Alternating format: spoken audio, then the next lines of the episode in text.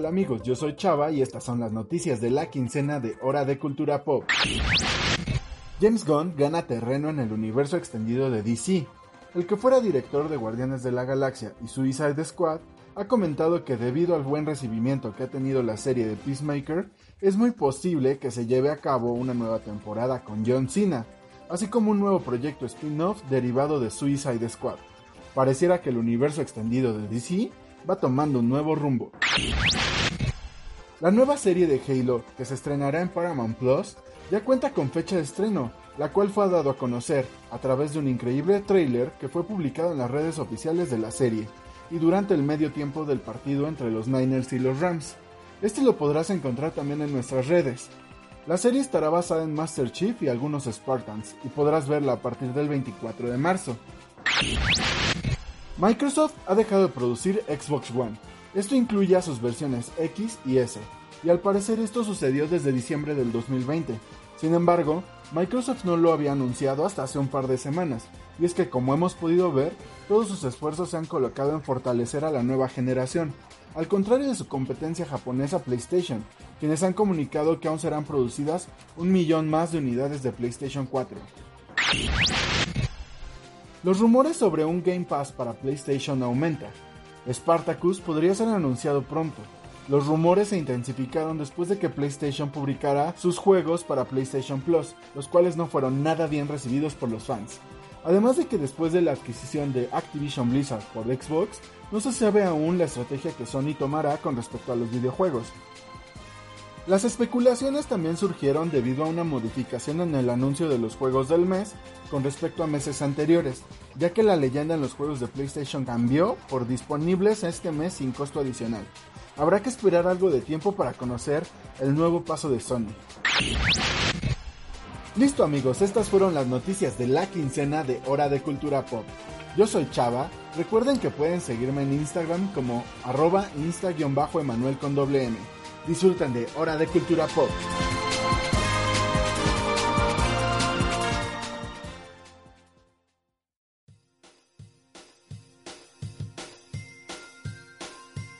Bienvenidos al episodio 120 de Hora de Cultura Pop. Y yo moviendo las manos. ¿Cómo están muchachos? Qué gusto verlos a todos. Estamos aquí eh, de nuevo en otro episodio de Hora de Cultura Pop, en un año nuevo. Eh, ya es por fin 2022, lo logramos. Estamos aquí, mi queridísima y amada Val Cosme. ¿Cómo estás, bebecita? Hola. Excelente. Ganando como siempre. Ganando como siempre. En la misma ventana también está mi queridísimo Chava. Chava Moreno. ¿Cómo están? ¿Cómo están amigos? ¿Cómo están? Buenas noches. Gracias por acompañarnos a esta transmisión en vivo y pues, que va a quedar grabada en el episodio de Hora de Cultura Pop. Sí, sí, sí. Este, también está mi queridísimo Chuy González. ¿Qué onda, banda? ¿Cómo están? Espero que estén muy bien. Gracias por acompañarnos. Y por cierto, feliz año nuevo. Que por cierto, hablando de año nuevo, ¿hasta cuándo esto ya legal felicitar por año nuevo? ¿O es hasta la primera vez que ves a una persona? No, no manches, si, si lo ves por ahí de marzo, güey. Bueno, feliz año. Yo, yo, yo digo que, que, la cortesía es así como hasta por ahí del 8 o 10, ¿no? De, de enero. Así como que, como que porque ya después hasta como que caes gordo, ¿no? Así de, ay, feliz año nuevo, que la chingada. Así como vamos, voy a terminarse felicitando de feliz año nuevo 2021 a todos mis amigos a los que no he visto desde el 2020, güey. De hecho. Sí, sí, sí, sí, Este, este ha sido un año muy, muy complicado. Bueno, estoy hablando. Años. Estoy diciendo ha sido un año porque estoy hablando También del 2021. 2022 está complicado. Mira, ya vemos la luz al final del túnel, básicamente. Ya, ya, ya algo es algo. Algo es algo, dice Chuy. Oiga muchachos, ¿cómo están? Qué gusto, qué gusto este saber de todos ustedes, qué gusto volver a verlos. Mi querido, mi querida llamada Valcosme, ¿qué tal pasaste el fin de año? Bien, muy contenta bebiendo, eh, comiendo. Eso es lo importante. Beber. Oigan chicos, también eh, para todos los que los que están en el los que nos están viendo en vivo y para los que nos escuchan también en audio, recuerden que ya estos episodios ya se graban el Pues nada más la primera parte, ¿no? Que aún así dura como una hora. Oye, Este se graba en vivo, entonces por ahí si quieren si quieren entrarle, saludarnos, este y todo el rollo en vivo, por favor cáiganle. Estamos en el grupo de Hora de Cultura Pop, estamos en la página de Hora de Cultura Pop. El grupo se está poniendo buenísimo. Eh, memes, sí, sí, sí, está súper chido. chismes, idioteces que todos posteamos. Chismas. Cáiganle, se pone chido el desmadre. Más porque es como que nos deja subir las cosas que no podríamos compartir tan abiertamente o que, por ejemplo, podemos responder más fácilmente entre todos nosotros como administradores, no que la página normal como que luego es o posteamos como hora de cultura pop y queremos decir de cada quien individualidades y no se puede, muchachos. Entonces, cáiganle al grupo, está chido. Es gratis. Además, además es gratis. ¿Qué les cuesta? Todos Un like. Un seguir. Con un seguir les apostamos mínimo un meme bueno a la semana, al día. Les alegra el- la tarde. Y por ahí estamos posteando memes, noticias, fotos de Emelcho, este, los chismes de la semana. Próximamente Olive Beats. ¿Quién se murió ahora? todo, no, bueno. todo lo que quieran va a estar en ese grupo. Güey, se murió Diego Verdaguer, cabrón. Voy a sonar ignorante, no lo conocía. No manches, no, no me hagas eso, Chuy. No, en serio. No puedo. No, no te sabes la de tú. Eres la ladrona, ¿no? No. Eh, eh, él cantaba junto con la señora esta que cantaba la de como un gato andaba. Sí, ¿no? Él- era él y su esposa, ¿no? Amanda. Miguel, obviamente. Yo me acuerdo que mi primer acercamiento con ellos fue alguna vez que estuve en una feria con mis papás y me acuerdo que mi mamá decía así como, ay, van a cantar Diego Verdaguer y Amanda Miguel y no sé qué. Muy bien emocionada y pues nunca, nunca realmente los escuché hasta ahorita que se murió. Fue que me di cuenta que su canción era esa que dice, que se llama Volveré, que, que es muy, muy, muy famosa también. Pero sí, pues, y, y lo más cabrón es que por COVID, ¿sabes? O sea, es, es como, todavía el COVID no sigue quitando artistas y, y- y a familia y todo. Entonces, hay que seguirnos cuidando, muchachos. Es que, ¿sabes qué? Ellos, ellos son an- eran antivacunas y pues no se quisieron vacunar. Uf. Pues sí. Vacúnense, por favor. A ver, muchachos, ¿qué han hecho? ¿Qué han visto? Vamos a la parte de qué, qué hemos visto. Y ahora sí ya tenemos un ratito este, sin vernos, así que tenemos muchas cosas que hemos visto. ¿Quién quiere empezar? ¿Quién levanta A la ver, mano? yo, yo, yo, yo, yo, yo, yo, yo. González, dale, por favor. Empezamos con Shaman King en Netflix, por favor, háganse un pinche favor. ¿Es neta Y- que sí está tan chida? Güey, lo voy a poner así. La serie de los noventas de Shaman King era buena. Te manejaba humor sencillo, sí. Y era buena, hasta eso. Pero esta, como que entendió de que las personas ya evolucionaron o ya son adultas. Y los temas los tratan más serios. O sea, como que ya no es como que de, ah, sí, renunciaste a tu sueño. No, no, no. ¿Qué hay detrás de eso? O por ejemplo, las muertes. En la primera, como que no las querían tocar, ¿no? Y aquí es, existen las muertes y hay consecuencias de las muertes de los personajes. Y como tal es de, ah, por eso se murió y te dan ese plus de su muerte. O por ejemplo, hay, sin spoilers, hay acciones de los personajes que el personaje principal, o sea, ya no queda como el dios todopoderoso, sino es un, güey, hiciste esto, pero aún así está mal, ¿no? O sea, que no, no hay como un, un blanco y negro, es un gris a veces. Y eso la serie lo está haciendo excelentemente hasta el episodio 36 que voy. Todos los personajes los lleva a un punto que dices, wow, no, no esperaba que esta serie llegara a eso. Sí esperaba como que una comedia sencillita, pero así no. Sinceramente sí le voy a que es el anime, para mí, 2022 que si acaba bien. Wow. ¿Algo más? Te acuérdate que tienes opción de hablar, de, de profundizar en dos cosas y, y pues este, hacer un recuento de todo lo demás. Ah, no, ahorita he estado embebido con el VR. Ahora lo compré. Oye, ¿qué tal? ¿Sí te gustó? Me gustó bastante. Hay esa pa- partecita que me está doliendo del VR de que es como que, ay, no hay muchos juegos. No manches, hay muchísimos No, no, no, juegos. pero así físicos ya está difícil conseguirlos. Ah, es que Porque sí los físico, están- ¿verdad? No, no manches, esto todo tiene que ser en digital, mi hermano. Es que me gusta to- todavía tener ahí el fisiquito en algunos, Todo mal. Gasta- gastamos eh, plástico. Pero se ve bien chido en mi libero. o sea, discúlpame, pero y ahí se ve mi coleccioncita. Pero sí, el VR vale la pena. Eh, principalmente ahorita estoy jugando el de Iron Man. Jugué el de Spider-Man y sí, como me dijiste, en el- la vez que hablamos de ese, sí está medio... meh. Pudieron haberle hecho más cositas. Lo único chido es que sí te da esa sensación de estar volando en las paredes. Así si pones el freestyle, está bastante chido. Sí, sí, sí. Este, Aunque te das un putazo si se te ocurre aventarte. Y el putazo que me- Putazo que me diste. ¿Algo más? ¿Algo más de lo que quieras hablar? Eh, ¿Qué otra serie? Eh, no, no, no, es que si no voy a spoilear. Eh, también ahorita he estado jugando el de Kirby, no el nuevo que salió, sino el Fighters. Ah, el- ajá, sí. Ah, no, el All Stars, no sé qué. Está... eh, no es malo, está bien, pero desgraciadamente está llegando mi punto de... Nintendo, me estás cobrando mucho por juegos que acabo rápidamente. Claro. Ok, eh, muchachos, ah, Val, Chava, ¿alguien quiere tomar la palabra? Que, que empiece Val, que empiece Val. Ah, yo estoy viendo, eh, bueno, vi una este, un programa de, Star Wars que se llama El Street 1976. Está muy bueno, es acerca de los extras de Star Wars, eh, de todas las películas.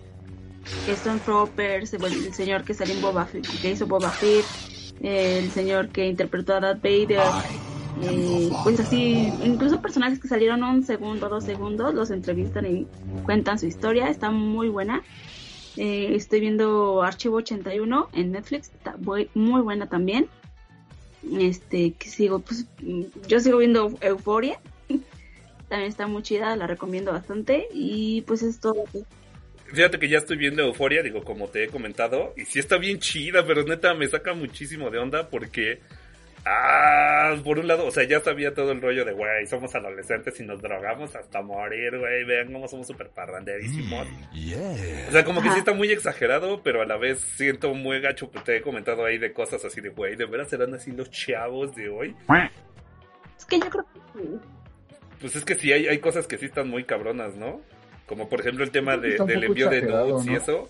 Sí, sí, sí, o sea, con todo y que está exagerado, pero el tema del envío de nudes, el, el- el tema de cómo son manchados la bandita acá por, por convivir, o sea, cómo se agarran a la, a la gente que quiere convivir y, y les dicen, ah, pues a ver acá, éntrale, a ver, hazle.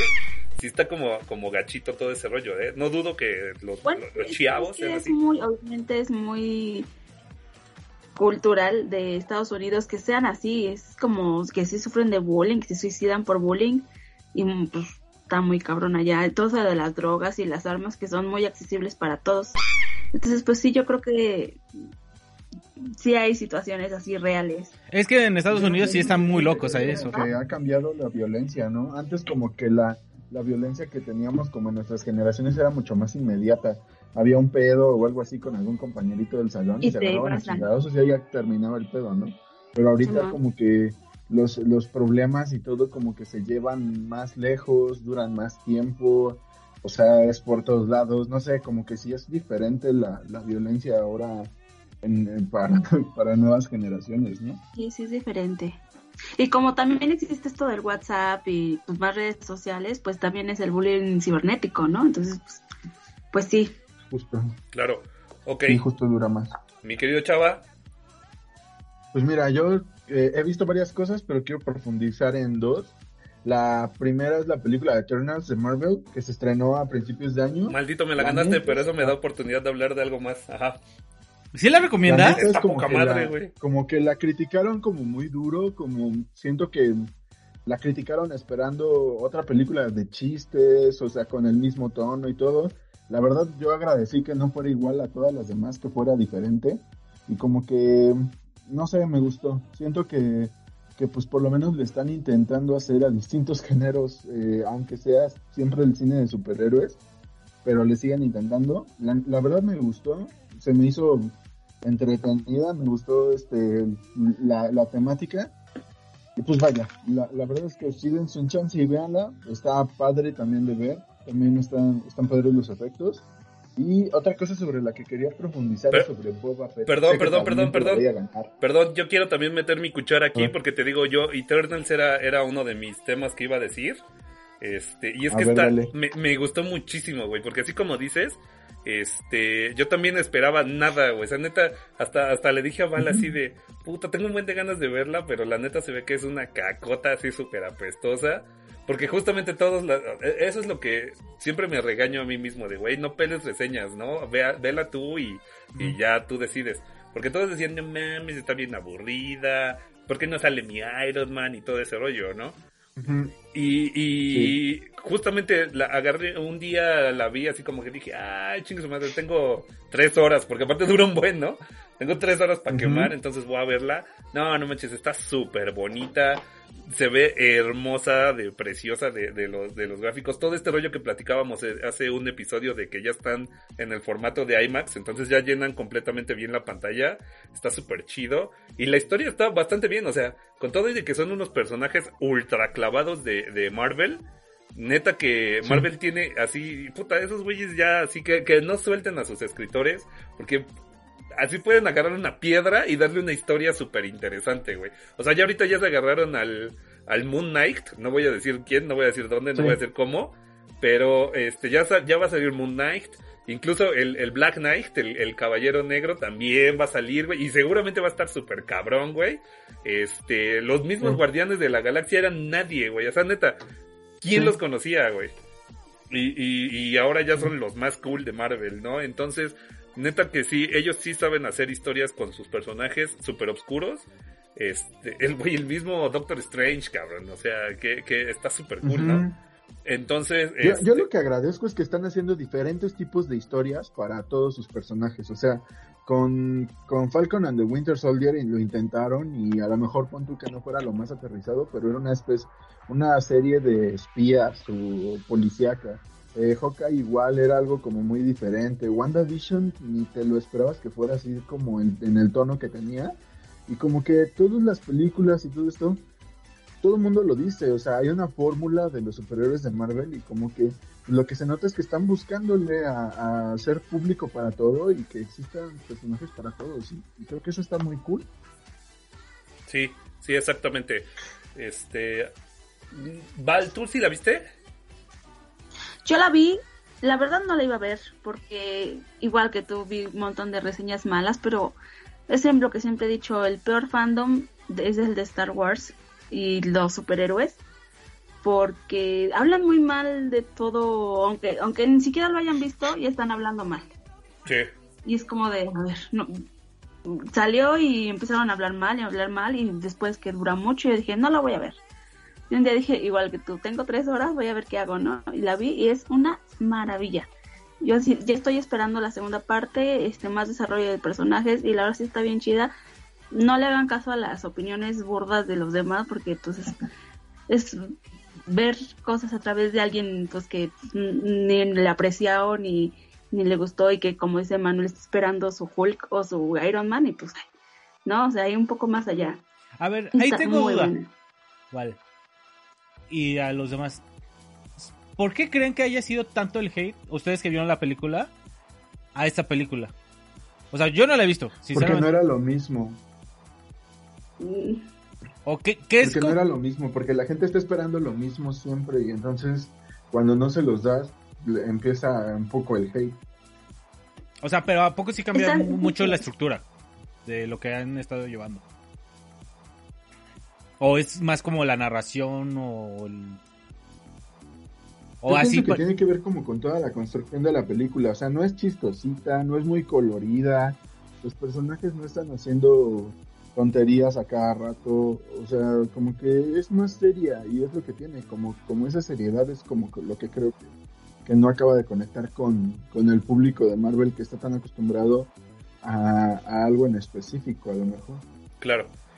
Oye, a ver, y... Hay una, una- hay una cosa que a mí me gustó bastante que por lo mismo de que son eternos y la fregada, este, pues ellos mismos se quieren y se procuran, ¿no? Toda la vida. Hasta que pues ya sabes, alguien se pone loco.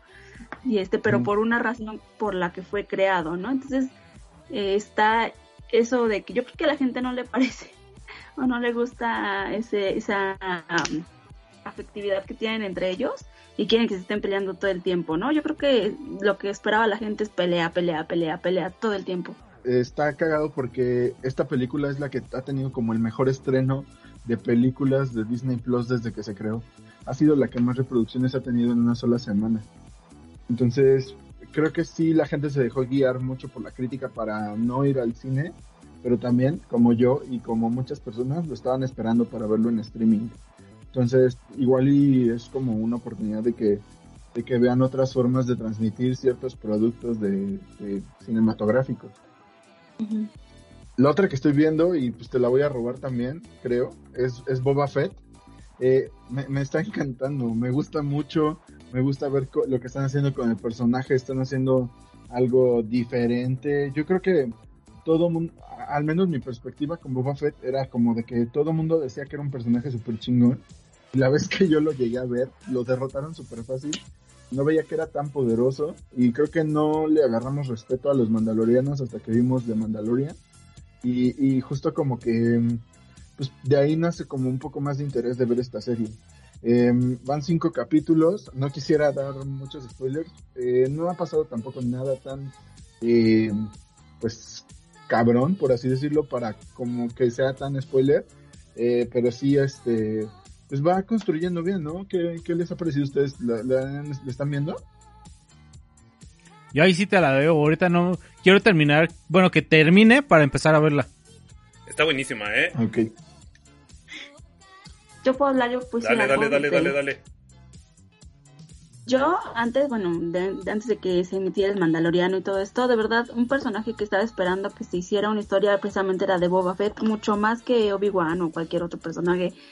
Y yo creo que va lenta, pero sí, sí quiero ver el punto en el que ya Boba es un chingón, ¿no? Porque pues sí tiene que haber pasado por un montón de cosas precisamente para llegar a ser como pues una leyenda, no a nivel que Darth Vader lo, lo haya contratado, ¿no? Entonces, pues sí va lenta y va un poco mm, muy, muy desesperante a mi, mi, a mi parecer, porque pues si dices, bueno, ¿y cuándo va a empezar a soltar el mach machetazo o lo que sea? No. Pero sí me está gustando, aunque para mi parecer va lenta. Súper. Fíjate que yo eh, ya voy a meter también mi cuchara, pero es que también me, a mí me está gustando muchísimo. Este, uh -huh. Los dos primeros episodios estuvieron chidísimos, neta, sobre todo el del asalto al tren. Este, pero este último, que obviamente no voy a decir ningún spoiler, está así, es una maravilla de principio a fin.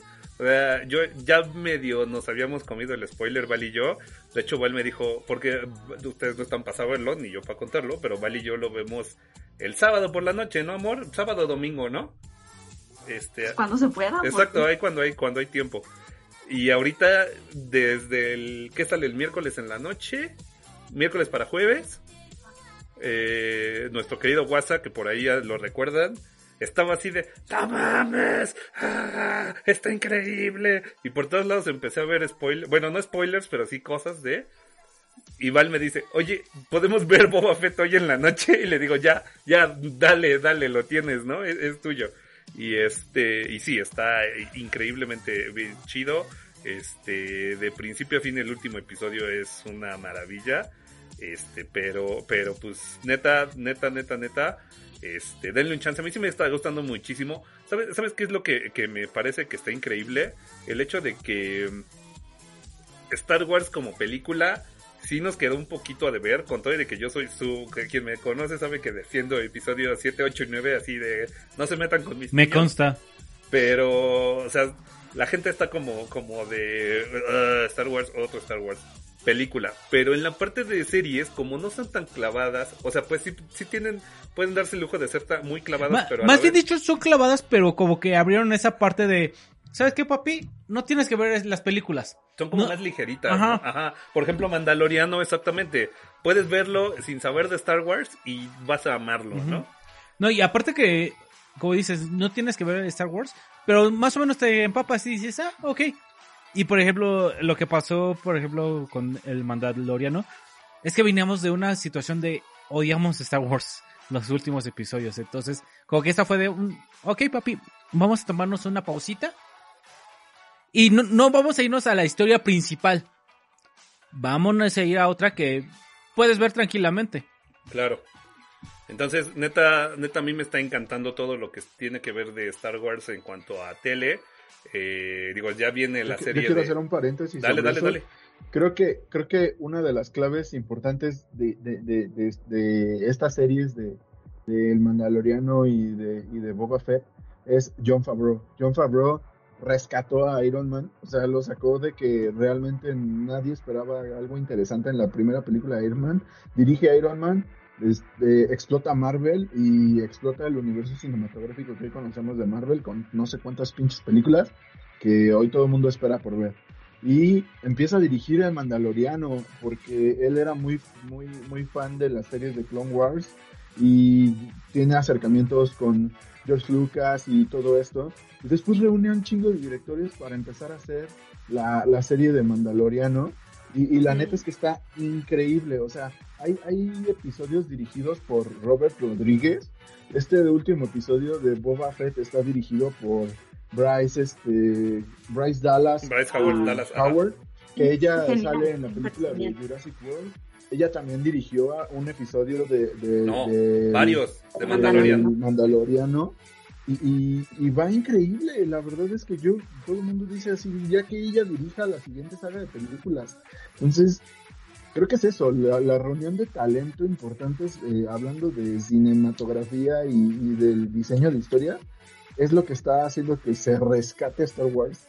Y, y perdón que discrepe un poco con la 7, 8 y la 9, pero sí, o sea, como que ni siquiera piensas en esas películas ahorita viendo esta historia, ¿eh? Es que, ¿sabes qué? Justamente también ya se los había recomendado. Si no lo han visto, denle una checada. Hay unos, hay unos eh, episodios allí en el Disney Plus que se llaman Star Wars Gallery. Que justamente hablan Ujú. de todo el hecho de la creación de Mandalorian. Este, y, Ujú. y- y es lo que dices, güey. O sea, John Favreau eh, le dieron carta abierta para. Y ese güey hizo lo que todos esperábamos que hicieran, ¿no? Irse con los ñoños de Star Wars y decirles: A ver, hijo, ¿qué te gustaría? Mira, tú me dices qué hacer y yo lo hago. ¿Quieres salir en un Sí. episodio con tu traje de Stormtrooper? Cámara, vas, no hay falla. No te voy a pagar, güey. Y todos así, no, sí, no hay pedo, traigo mis cuates, ¿no? Todos vamos a salir de gratis, no hay falla. Es más, nosotros pagamos nuestro, nuestro viaje. Entonces, eh, justamente este, este rollo de, de clavarse en, el, en la ñoñez de Star Wars, o sea, todo, todo el rollo, por ejemplo, del sable negro, todo, todo el rollo de los Jedi, todo el, ye- el, el rollo de los credos y eso, eh, es una maravilla, es ese puro eh, porno de Star Wars, cabrón. Neta, está súper chido. Yo, Sí. yo amo, amo todo el rollo esto de las cosas clavaditas. ¿Sabes qué? Ahorita como lo menciona, ¿saben, ¿Saben quién? El- este Taika Waititi. Taika Waititi, exactamente. Sí, sí, sí, o sea, neta, neta. John Favreau supo hacerla. eh, eh, todos estos, en estos, este, por eso me gustaron tanto estos episodios que les digo, porque hablan con un cariño de Star Wars que dices, güey, Sí. de- déjenme a mí hacer un episodio, les juro que lo hago igual, ¿no? Entonces, este, sí está súper chido, güey, neta, neta, neta, denle un chance a Book of Boba Fett, no va tan chido como Mandalorian, pero sí va muy, muy, muy bien. pero bueno, mejor que los episodios, eso es seguro. Y va a despegar, o sea, lo que, lo que yo siento es como que va a despegar eso que están haciendo de, ah, no puedo decirlo en este momento, pero siento que va a tronar como que todo en algún momento y todo va a ser así como que expectante. Sí, sí, sí. Pero bueno, algo más, chaval, ya nos, nos aventamos acá un ratón. Ya démosle a lo que sigue. No, espérate, voy yo, voy yo, voy yo, voy yo. Eh. Por eso vas. voy a tratar de no, de no clavarme tanto. Yo jugué en, en estas vacaciones que tuvimos, jugué Halo Infinite, nada mames. Qué maravilla de juego, con todo el que Chava hizo cara de Fuchi. ¿Cuál? El Halo. No, hice cara de Uy. emoción, quiero jugar ese juego. Está increíble, chido. cabrón. Está muy bueno. Ya lo acabé. Yo lo amé, güey. Sí, así. está. Es un regreso triunfal de la saga. Sí. Lo digo así. Quien les haya gustado todavía Rich y el 3, Sí, es justamente por lo cual, por lo cual este yo lo amé, porque en verdad, igual que Eternals, esperaba nada y obtuve oro, cabrón. Me pasé así un ratote jugándolo. Justamente lo- el 31, todo ñoño, así dejé a la familia para venir a jugar Halo. Así, ah, sí, aquí yo, yo los acompaño, chavos. Este... Es que sí, Xbox regresó con todo el 2021, ¿no? O Eh. sea, con Halo Infinite y luego las noticias que vamos a dar más adelante. con Halo, con Halo, con, con este, con, ¿cómo se llama el otro? Forza Horizon, con todo lo que metieron a Game Pass. Hay un juego que estoy jugando también, de repente ahora, mientras espero a mis amigos en el Warzone, que se llama Windjammers 2, que yo jugaba en las maquinitas como loco, y ahorita estoy clavadísimo jugando esa porquería. Este, pero sí, ahorita es, es un poco triste porque es un muy buen momento para tener una consola de Xbox con Game Pass. Porque ahorita Microsoft Sí. está, está diciendo... Te está atascando. Le están diciendo perdón, sabemos que la cagamos, chavos. Tenemos Aquí dos está- generaciones malas, estas se las componemos. Aquí está, aquí está nuestro tributo para que regresen a nosotros. Eso es algo, algo, pues peligroso, ¿eh? Y, Porque y de, de hecho lo que me ha gustado es que, por ejemplo, yo ahorita me estoy aventando sagas de juegos. Ahorita empecé al Gears para aventarme uno, dos, tres y como todos están en Game Pass. Sí, sí, sí, sí, sí. Y te, te digo, es, eso es peligroso porque, pues ya vimos cómo ha pasado. eh, eh, Nintendo lo hizo, este. Y, y también regresaron así de, ah, miren cómo somos acá, bien buena onda y todo ese rollo. Y pues ahora que ya otra vez este, son los chidos, pues ya, Lo que me preocupa no, es ¿eh? cuánto va a llegar a costar. O sea, porque esa es la preocupación de... Ahorita lo están dejando en un precio accesible para que te envicies y todo, ¿no? por eso. Pero como bien lo dices, en una de esas se enojan y... Sí, güey. ¿Que te quejabas de 500 pesos? Muy felices todos los fans de Xbox, pero tarde o temprano los que van a pagar por Activision son ustedes. Sí, e- eso, exactamente, eso es lo que te digo, güey. Este, porque, pues te digo, ahorita sí todo es felicidad, como, como Xbox está dándonos y dándonos y dándonos, pues no hay falla, ¿no? Pero va a llegar un momento en el que nos la van a dejar super caer. Y pues bueno, en ese momento vamos a, ya veremos qué pasa. Eh, otra cosa, Eternals, iba a hablar con, a profundidad. Estoy viendo, ok, vi una serie de, en Disney Plus que se llama Get Back. Ahora sí ya la terminé de ver las siete horas y media que duran. Está bien, bien chida, eh. Neta, si, si son fans de, de los Beatles y son fans de viejitos hablando, Val dice que no, porque sí está bien aburrido. Bueno, es que nomás están ellos así, hable y hable y hable y hable. Y o sea, ¿Ese sí lo documental? o es una onda documental de, de, este, de, Esa es la situación, ¿sabes? Que no me gustan los Beatles, entonces... ¿Cómo? ¿Qué? Espera. sí, exacto. Val, no Se rompas mi corazoncito. Val, ¿a dónde no va? rompas más. No me quiero Mi ir, pobre corazón. Me hablan en el sótano. Sí, la, la cosa es que justamente para hacer este concierto tan famoso que, que hubo de los Beatles en el, en el este, En la ¿cómo se llama? azotea. En la azotea, exactamente. eh, pues obvio- hubo un, ahí hubo todo el- la planeación, ni siquiera tenían el disco preparado, fue un desmadre que tenían, Pre- hicieron las canciones, o sea que ahorita, ahorita que por ejemplo cantamos este la de Get Back, Get Back y la hicieron así en chinga, ¿no? De oye, ¿cómo ves si le ponemos esto? Ah, cámara, está chido, ¿no? Ah, más estás bien, güey. Y, y así de que ya eran superestrellas y, oigan, es que tengo que irme a una sesión de fotos y todo, entonces ya me voy. No, no mames, como si estamos aquí chambeando, ¿no? Todo eso son siete horas de lo mismo, hasta que obviamente pues en el último episodio llega el tan ansiado concierto, que ni es un concierto, son tres canciones nada más. Este, pero, pero sí está bien chido, neta. Pero es de la- las tres canciones más icónicas No que van a mames, tocar. Eh, Yo, yo lo vi y así se me ponía chinita la piel de, de verlos y, lo, y así aparte pues tocan las mismas tres canciones como varias veces para que hagan diferentes tomas, ¿no? Y, y, pues ya de repente ya estás Ah. así de, oigan, ¿qué pedo? No, pues ya canten otra. Y, y está lo, lo que se sabe de que les llegó la policía, está todo ese rollo, cómo los estaban grabando a los polis afuera, así de, oigan, ¿qué? Y los polis acá de, ¿por qué no nos abren? Acá, abran. Y así, no, es que aquí no vive. Y ya, y ya se metían los polis y todo el rollo. Está, está bien bueno, neta, si les gustan los Beatles, no tiene así ni un solo pierde. Ahí en el trailer que, que estamos mostrando se ve como todo el proceso, porque incluso pasa de cómo escogen la escenografía. Según esto iban a grabar ahí en un, les prestan un, este, como una bodega enorme la cual van a ambientar. Y a la mera hora se les cae toda esa negociación y por eso deciden que mejor ahí en ese mismo edificio en la azotea, que fue una genialidad así que le, casi casi de churro le dieron. Y también vemos a la payasa del Yoko Ono en todo momento así con su cara de... Y todos acá bien felices bailando, cantando y ella así de... Aquí pues no más... aquí". También hay, un hay momentos raros, ¿no? Donde creo que alguien ¿Quién era? ¿George Harrison? ¿O alguien? ¿O Ringo Starr? Creo que lleva uno que está meditando ahí atrás de Ah, ellos. George Harrison, sí, sí, sí, sí.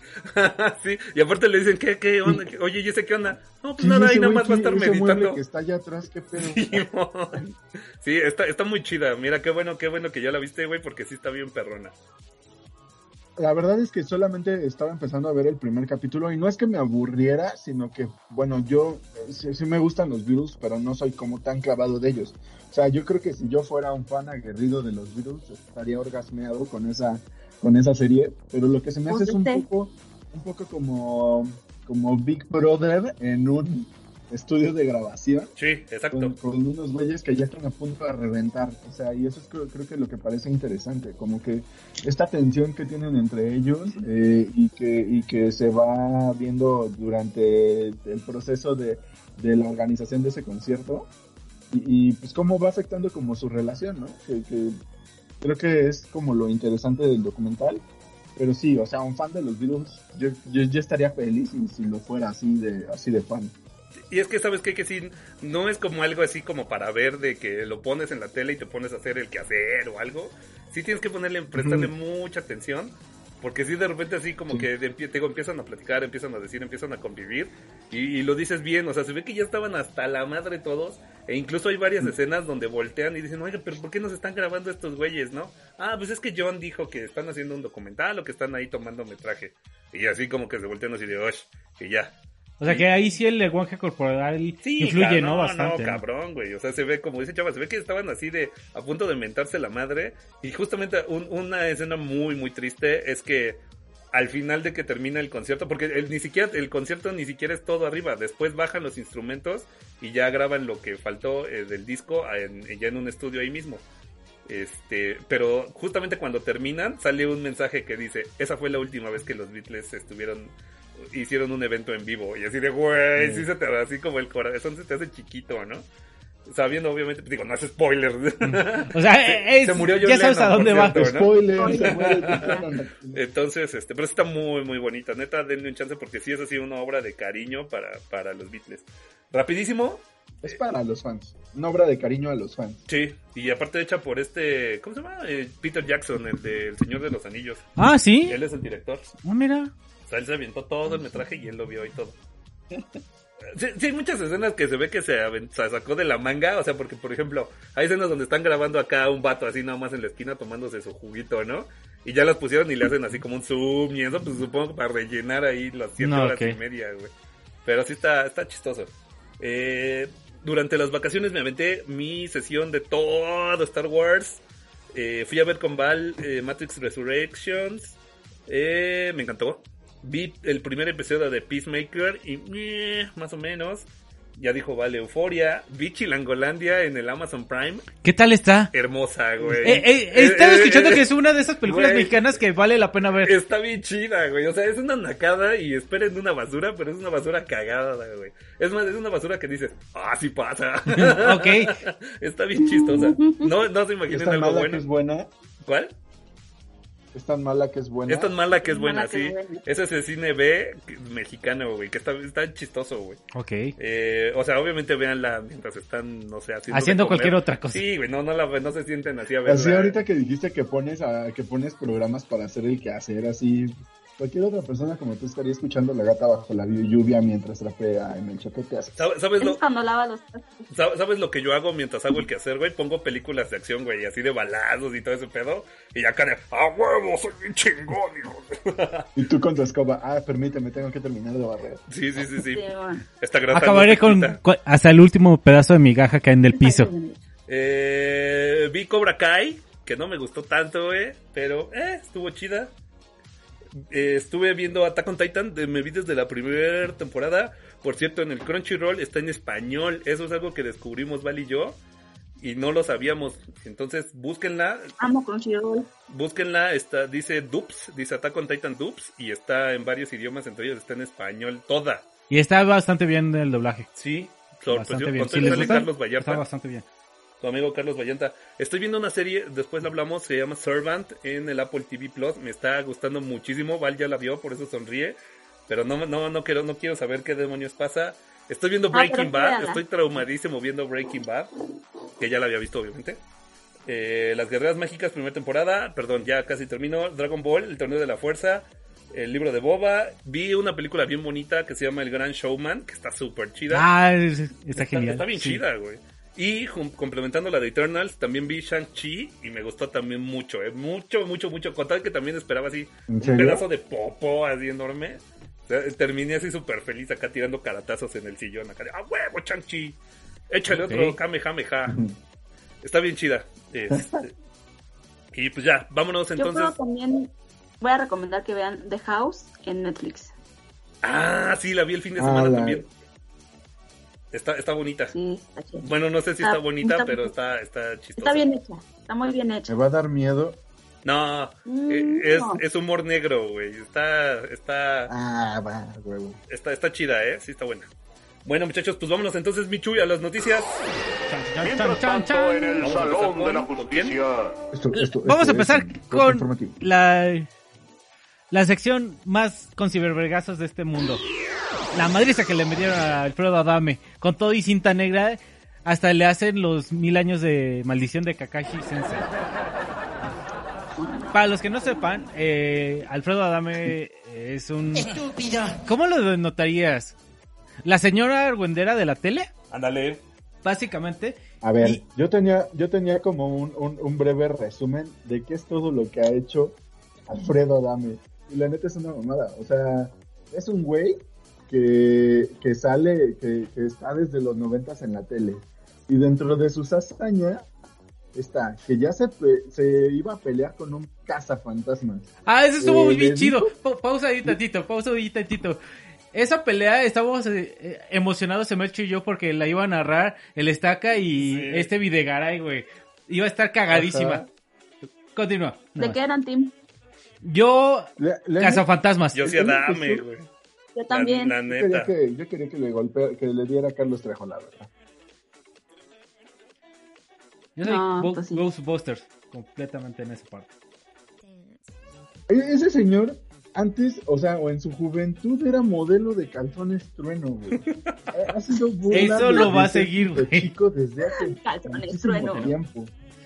Ha sido, Ay, eh, sí. el año pasado fue famoso por responder mentadas de madre en la calle porque estaba postulándose a un puesto público en su dele- en su delegación, en su Y que en- alcaldía. En su alcaldía nadie votó. Pero bueno, a ver, platiquen, la nota, por favor. Bueno, No se, no se, no divaguen, chavos. Ok, no digábamos.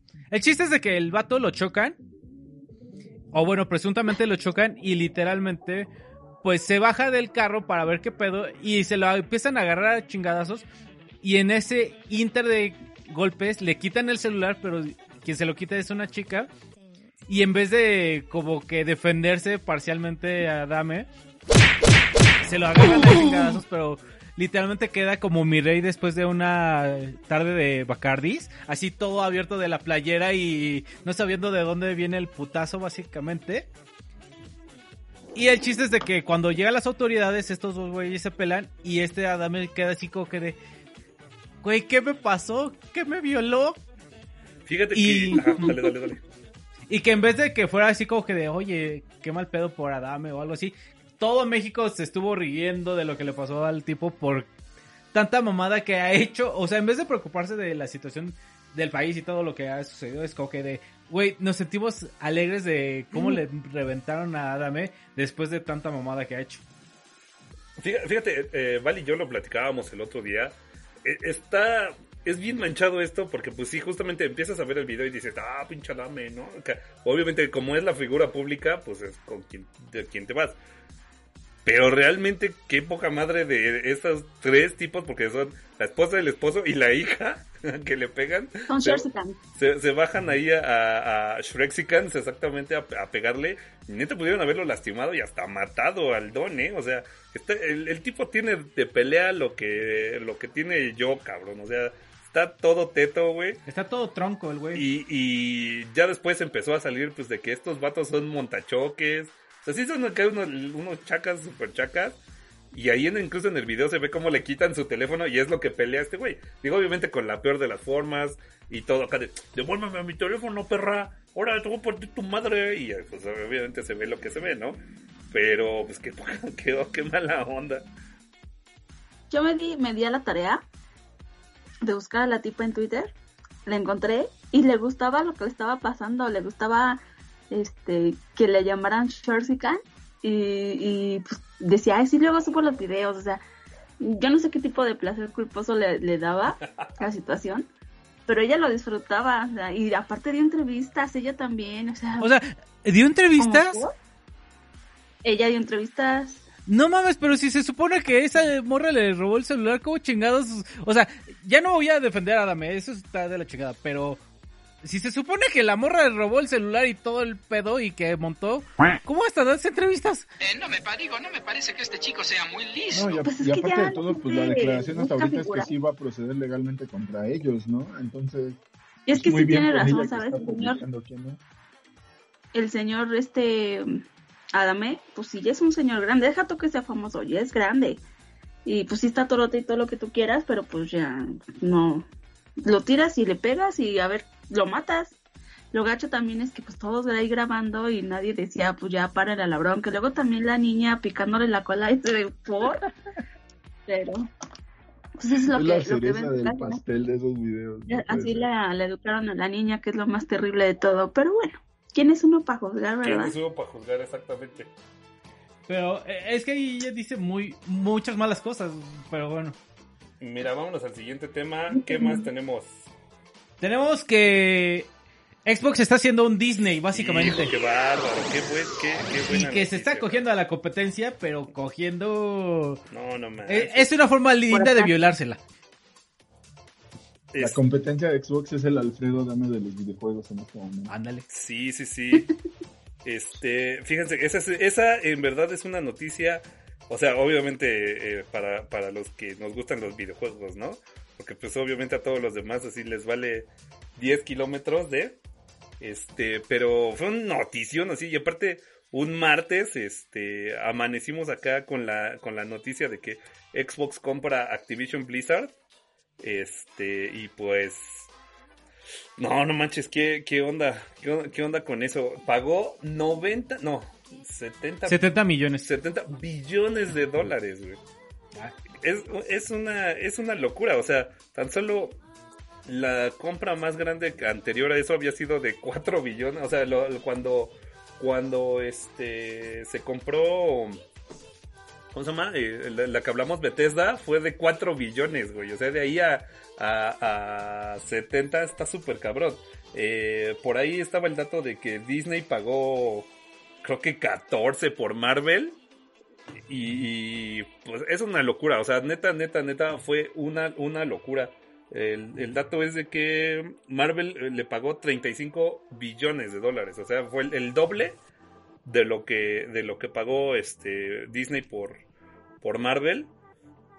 Honestamente, Xbox agarró ahí a una Activision pues madreada porque pues obviamente justamente por todos estos problemas que de los que habíamos platicado hace unos meses, están teniendo un buen de problemas internos. Entonces, eh, ha ha de haber llegado Xbox con la cartera y así de a ver cuánto cuestas. No, pues 150 billones. Ah, te doy 70, ¿no? Órale, vaya, échalos y ya, así como de desmadre en la peda y sopas que se, se, se aprobó, ¿no? E- Es una locura, es una locura que significa que, para lo que decía hace rato, para los poseedores de Xbox con Xbox este, Game Pass, van a llegar los Call of Duty, van a llegar los, los Overwatch, va a llegar eh, este World of Warcraft. eh, es así un extremadamente no no hay no hay palabras para definir la esta adquisición, esta compra. No, y aparte de todo vienen a solucionar muchos problemas que se crearon justo por lo que comentas de, de los paros y huelgas que hubieron por temas ahí este políticos sociales de Activision Blizzard y pues eh, que, que mermaron en la calidad de los videojuegos. De ahí, por ejemplo, se comenta mucho de Call of Duty Warzone, de que llegó el mapa de caldera, la gente lo detesta, tiene muchísimos bugs, eh, no tiene como un gran soporte presumieron mucho de un anti-cheat que estrenaron en el juego y la verdad es que pues ahora los coches vuelan en el juego Y este, pues no sé, está todo muy raro y pues lo único que esperamos es que esto beneficie a toda la comunidad gamer, sea de Xbox o sea de PlayStation, lo que sea, es, un, es algo bueno, la verdad, yo creo. Sí, pero ahí también, por ejemplo, ahorita que dices de lo de solucionar problemas, también viene la situación de que tenía este Blizzard con lo de las presuntas violaciones que tenían y todos los cancelaciones que estaban teniendo por ahorita lo que tuvieron en Hong Kong de que varios que habían ganado y estaban en Liberna Hong Kong empezaban de no cancelado y era como que amigo este ya llevaba varias varias cosas y ahorita básicamente eh, Xbox adquirió a precio barato porque Blizzard ahorita va a tener muchos temas por por esta situación del acoso que se ha presentado. Y aparte si corríjame si no me equivoco ha habido muchos suicidios. Aparte eh, ah bueno bueno ha habido suicidios eh, ahí. O sea, entonces es, es como que ya el cúmulo que trae, aparte ahorita como lo que decías de Activision, también viene una situación de que aunque pensábamos que iba más o menos con los remakes, el otro día estaba escuchando las ventas que tuvo tanto el de Spyro como el de el de Crash. Y que ahorita el de Crash así apenas llegó a, a las ventas que esperaban. Pero así rozando. Entonces, por ejemplo, Spyro están diciendo que ni siquiera están pensando una nueva una nueva entrega por lo mismo. Entonces, ahorita faltaría ver qué van a hacer con todas las licencias que van a tener.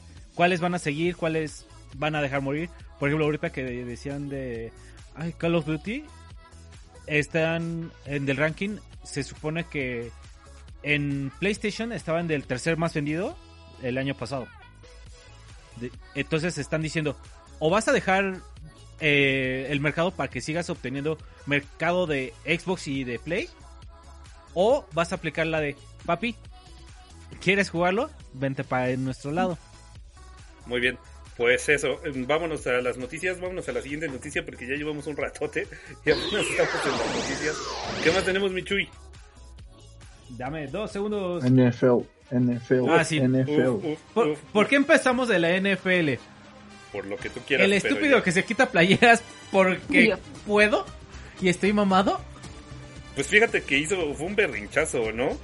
Este, estamos hablando de, de mi querido Antonio Brown, que en el partido tú, tú sabes bien, bueno es que no recuerdo también ando acá. Es que varias cosas.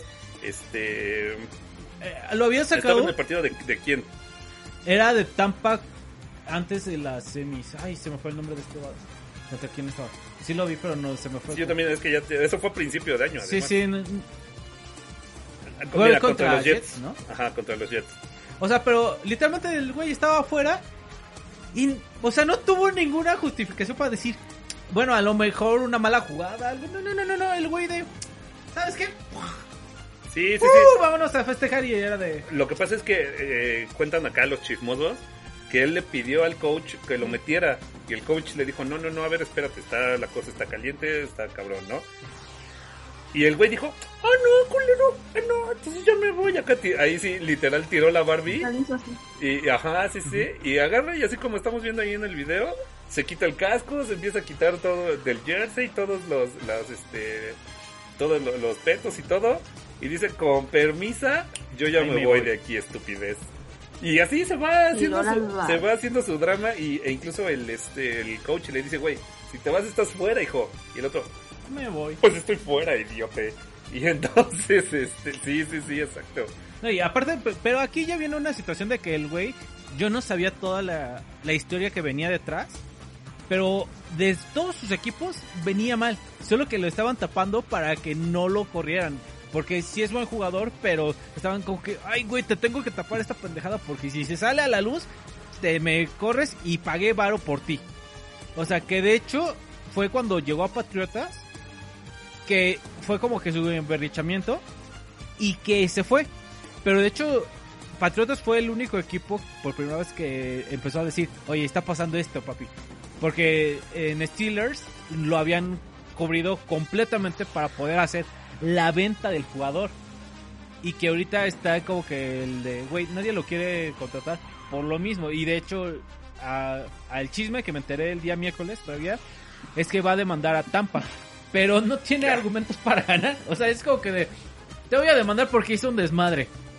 Exacto. Ah, ok, güey. Ah, va. Órale, Aop, chi- chido tu desmadre, ¿no? Sí, sí, sí. Ah, Pero pues bueno. No, no tiene así, no tiene nada. ¿Qué más? Pues va- playoffs, chavos. ¿qué- Playoffs. ¿Cómo han visto? Es decir, ha sido una locura estos playoffs Güey, también. todos se han definido por una pinche patada, güey. Ha estado excelente. O sea, si no les ha gustado el americano, en esta... Vean los playoffs, los últimos 10 minutos de cada partido. Puta, qué buenos estuvieron. Independientemente a quién le vayas, se pusieron Bien de solo una patada, güey. No mames. El que estábamos viendo de Kansas, mi papá y yo, no mames, o sea, le dejaron 15 segundos a Mahomes y en esos 15 hizo lo que no tenía que hacer. Bueno, para el equipo contrario, claro está, ¿no? Empatar el partido y después, ¿qué crees, papi? Te ganó el partido. Sí, está, está muy cabrón. Eh, también, por ejemplo, los, los vaqueros contra San Francisco fue, hijo, fue una, fue una paliza. Bueno, no fue una paliza, fue, creo que ni salieron a jugar. Estaba jugando Tochito ahí de... No, Vamos a pambolear, güey, un ratito. Se les olvidó que ya estaban en el, en el partido. Este, Se les fue, olvidó que era su año, a los de Dallas. Ya todos los equipos que no habían ganado nunca, era su momento y lo dejaron ir. No manches, es que de verdad, o sea, yo no le di a nada en las quinielas, güey. O sea, todas mis quinielas salieron al revés, güey. ¿Sabes Los cómo Pats, fue mi fantasy, güey? Perdí los Raiders. con 10 Los Raiders puntos. también. Los Raiders igual, o sea, estaba, estaba esperanzado a que los Raiders iban a, a vengar a los delfines. Pues no, chavos, también se fueron. No, estuvo muy, el muy de bueno. Green Bay tan- contra San Francisco también estuvo cardiaquísimo el fin de semana pasado. El de Green Bay que perdieron en tiempo extra, Extra. ¿no? Ajá. Hijo, Sí. no, no, no, no, así. Ah, sí, sí fue, fue ha sido una locura este. Eso, y también que se nos fue nuestro puerquito valiente. Nuestro babe. del Ah, ya por fin. ¿no? Ben Ya. Roethlisberger, adiós. Que tengo que admitir que la televisora les adelantó el, el retiro. Porque mientras estaba viendo el partido de los Steelers, fue muy cagado porque estaban pasando sus mejores momentos de Roethlisberger y yo de, güey, ya están adelantando que perdió. O sea, sí, estaba cantadísimo que iba a perder contra Kansas, pero pues, mínimo déjalo hasta el final, los últimos momentos. Aplicaron la de adelante ya. Ándale. No, sí se muere. Que de hecho, eh, voy a poner pausa, en- es igual de americano. Ahora estuve viendo la final de la de la estudiantil. Esa también se puso bien pinche buena el final. Porque eh, para los que no sepan, en Estados Unidos hay como que el mejor jugador a nivel de todos los deportes en Estados Unidos. El coreback era el de Alabama, el que venía así como que favorito todo la chingada. Y pues perdieron horriblemente y de hecho este güey ya está en el draft para la NFL el próximo la próxima temporada. Y por lo que lo que estaba comentando por lo porque ahorita ya casi todos los equipos cualquiera puede ganar. Y de hecho unos quieren perder para tener coreback. Alias Steelers quería tener al, al coreback de Alabama y ahorita se va a ir por el de Georgia. Bueno, ¿y quién, a quién ven para, para Super Bowl y para campeón? Super Bowl voy Kansas 49. Kansas. Sí, yo también. ¿Kansas 49? Nah, no manches, neta. Sí, voy. Mira, al. A los demás siento que todavía no tienen el, la destreza para ganar la de conferencia. Tienen la habilidad, pero no la destreza para decir, vamos a ganarlo. Yo, yo creo que sí, los Rams le ganan a San Francisco, ¿eh? Sí, Sí. sí, sí, sí. Yo quisiera que, que pasara San Francisco. Pues es al que, Yo al que medio le voy. Pero, pero sí, este. Después de los estaría bueno. Pero ¿saben qué? Yo creo que el medio tiempo va a estar bueno. Ah, muy rapero. Eso estuvo, eso estuvo muy loco, ¿no? Eso, eso está bien padre, el, este, que hubo un tráiler del medio tiempo, ¿no? Ujú. Tu trailer. Ajá. Trailer. Y creo que es la primera vez que pasa, o ya lo había, ya había visto, ya había habido antes. Yo no un había trailer. visto, ¿Ya había visto trailer trailers? antes, así como. Pero no eran tan impactantes. Sí, este sí estuvo muy chido. O sea, porque en este estás juntando cinco personas y que en el medio del rap son personas bastante pesadas. Y fuera del medio del rap también. Por ejemplo, Snoop Dogg, aunque no te gusta el rap o el hip hop, lo ubicas bien cabrón al güey. ¿No? A Eminem, el que son vatos que dices, wow. O por ejemplo, Dr. Dre es como que no te gustará el rap, pero has escuchado de que ha estado detrás de la música o cositas así, entonces ahorita es como que mmm, interesante. Mi pregunta es dónde está Santa Fe Clan ahí en ese en ese roster. ¿Dónde están Santa Fe Clan y, El dónde próximo está, año. ¿Dónde está este quién un rapero? ¿Dónde está el de dinero, dinero, dinero? Aprende MC algo, Dinero? Sí, MC Dinero, güey. Long shot. Long ¿Dónde está mi long shot? Exactamente. Pues, Dejen ¿qué más, qué más, qué más tenemos, mi Chuy? ¿Cuál es nuestra siguiente noticia? Pues ya. ¿Ya no tenemos noticias? ¿Por fin se, se acabaron todas las notas? Al menos que quieras tocar a Sofía Niño de No, Rivera con sus no, 30 no, mil no, pesos. no, gracias. o que critican a Yuya por... Lo que dijiste de, de Final Fantasy. Ah, hazme el favor. E- Eso... Eh, esa es tu nota, güey. No, no manches. Eso fue una joya del principio de año ese de hasta lo voy a poner en las notas de del, del recuento del año. Y es que en el Parlamento de Italia estaban acá dando su, su Zoom, este su Zoom de ¿cómo se llama? Pues un- estaban dando un Zoom de, de no sé, de algo. Y de repente, sopas que pone, alguien lo hackea y pone este porno de Final Fantasy. Y aparte, así pues, eh, eh, eh, fíjate, eh, esos son de esos lugares donde digo, güey, no quisiera ser el de sistemas en ese perro momento, ¿no, güey? Porque se ve que el güey estaba dormido, comiéndose un algo. El chiste es que duró Una un baguette. rato, duró un rato el, el- las imágenes estas ahí, hasta que ya por fin le dieron cómo quitarlo y, y- y lo hicieron. No, no manches, fue una joya, una genialidad así, pero obviamente la internet de los ñoños se volvió loca así de a huevo, lo logramos, somos famosos. Está súper cagado. Somos cabrón. famosos. Lo que me pregunto es, voy a hacer la siguiente duda. ¿Qué tan fácil es hackear el Parlamento italiano? Pues más bien meterse a la, a la... Es que es súper fácil meterse a las conferencias de Zoom, güey. Sí, sí, o sea, por eso, pero se supone que deberías de, en las mejores prácticas, una VPN, hacer mejores prácticas, voy a decirlo así, no, no voy a decir más, pero para que ya puedas hacer estas cosas, entiendo de que, por ejemplo, si nosotros ahorita nos hackean, pues ya lá- lástima, ¿no? O sea, no estamos metiendo mucha seguridad en esta parte, ¿Cómo pero... no? No manches, a ver, quiero, quiero ver que me hackeen. No, no se puede, Está o sea... súper está súper blindado. Tú no invitas a nadie a que nos hackee, Chuy. Después nos van a poner filtro de abejita a todos. Pero nos hacen famosos. Va a el primer podcast hackeado. Y hacen publicidad, órale. Hackenos, órale. ¿Hackeenos? No, no, no, Te estás no. invitando a que nos hackeen. No, no nos hackeen, esperen, porque todavía ya vamos a empezar a vender NFTs. Entonces, no, no señores, no nos hackeen, por favor. Este, es que, es que fíjate, o sea, en realidad no, no, es, no es tan difícil, o sea, solamente necesitaban poner una contraseña buena en su, en su Zoom, güey, o sea, no dejar la, la contraseña de, default. default, exactamente, güey. O sabes qué, a lo mejor y pusieron de el Parlamento Italiano 1, 2, 3. A- a- Así de, ah, sí, Baguettini y ya, güey, Parlamento Italiano 1, 2, 3. Exacto, güey. Entonces, pues mira, Pizza sin piña. Eso pusieron. espagueto. Espagueti sin cortar. Entonces, pues mira, ya esa, esa. ¿Tú tenías una historia algo de Kendrick? No, ¿de quién? ¿De un niño? Ah, el niño J Balvin. Ah, esa está bien chida, güey. Esa la voy a contar.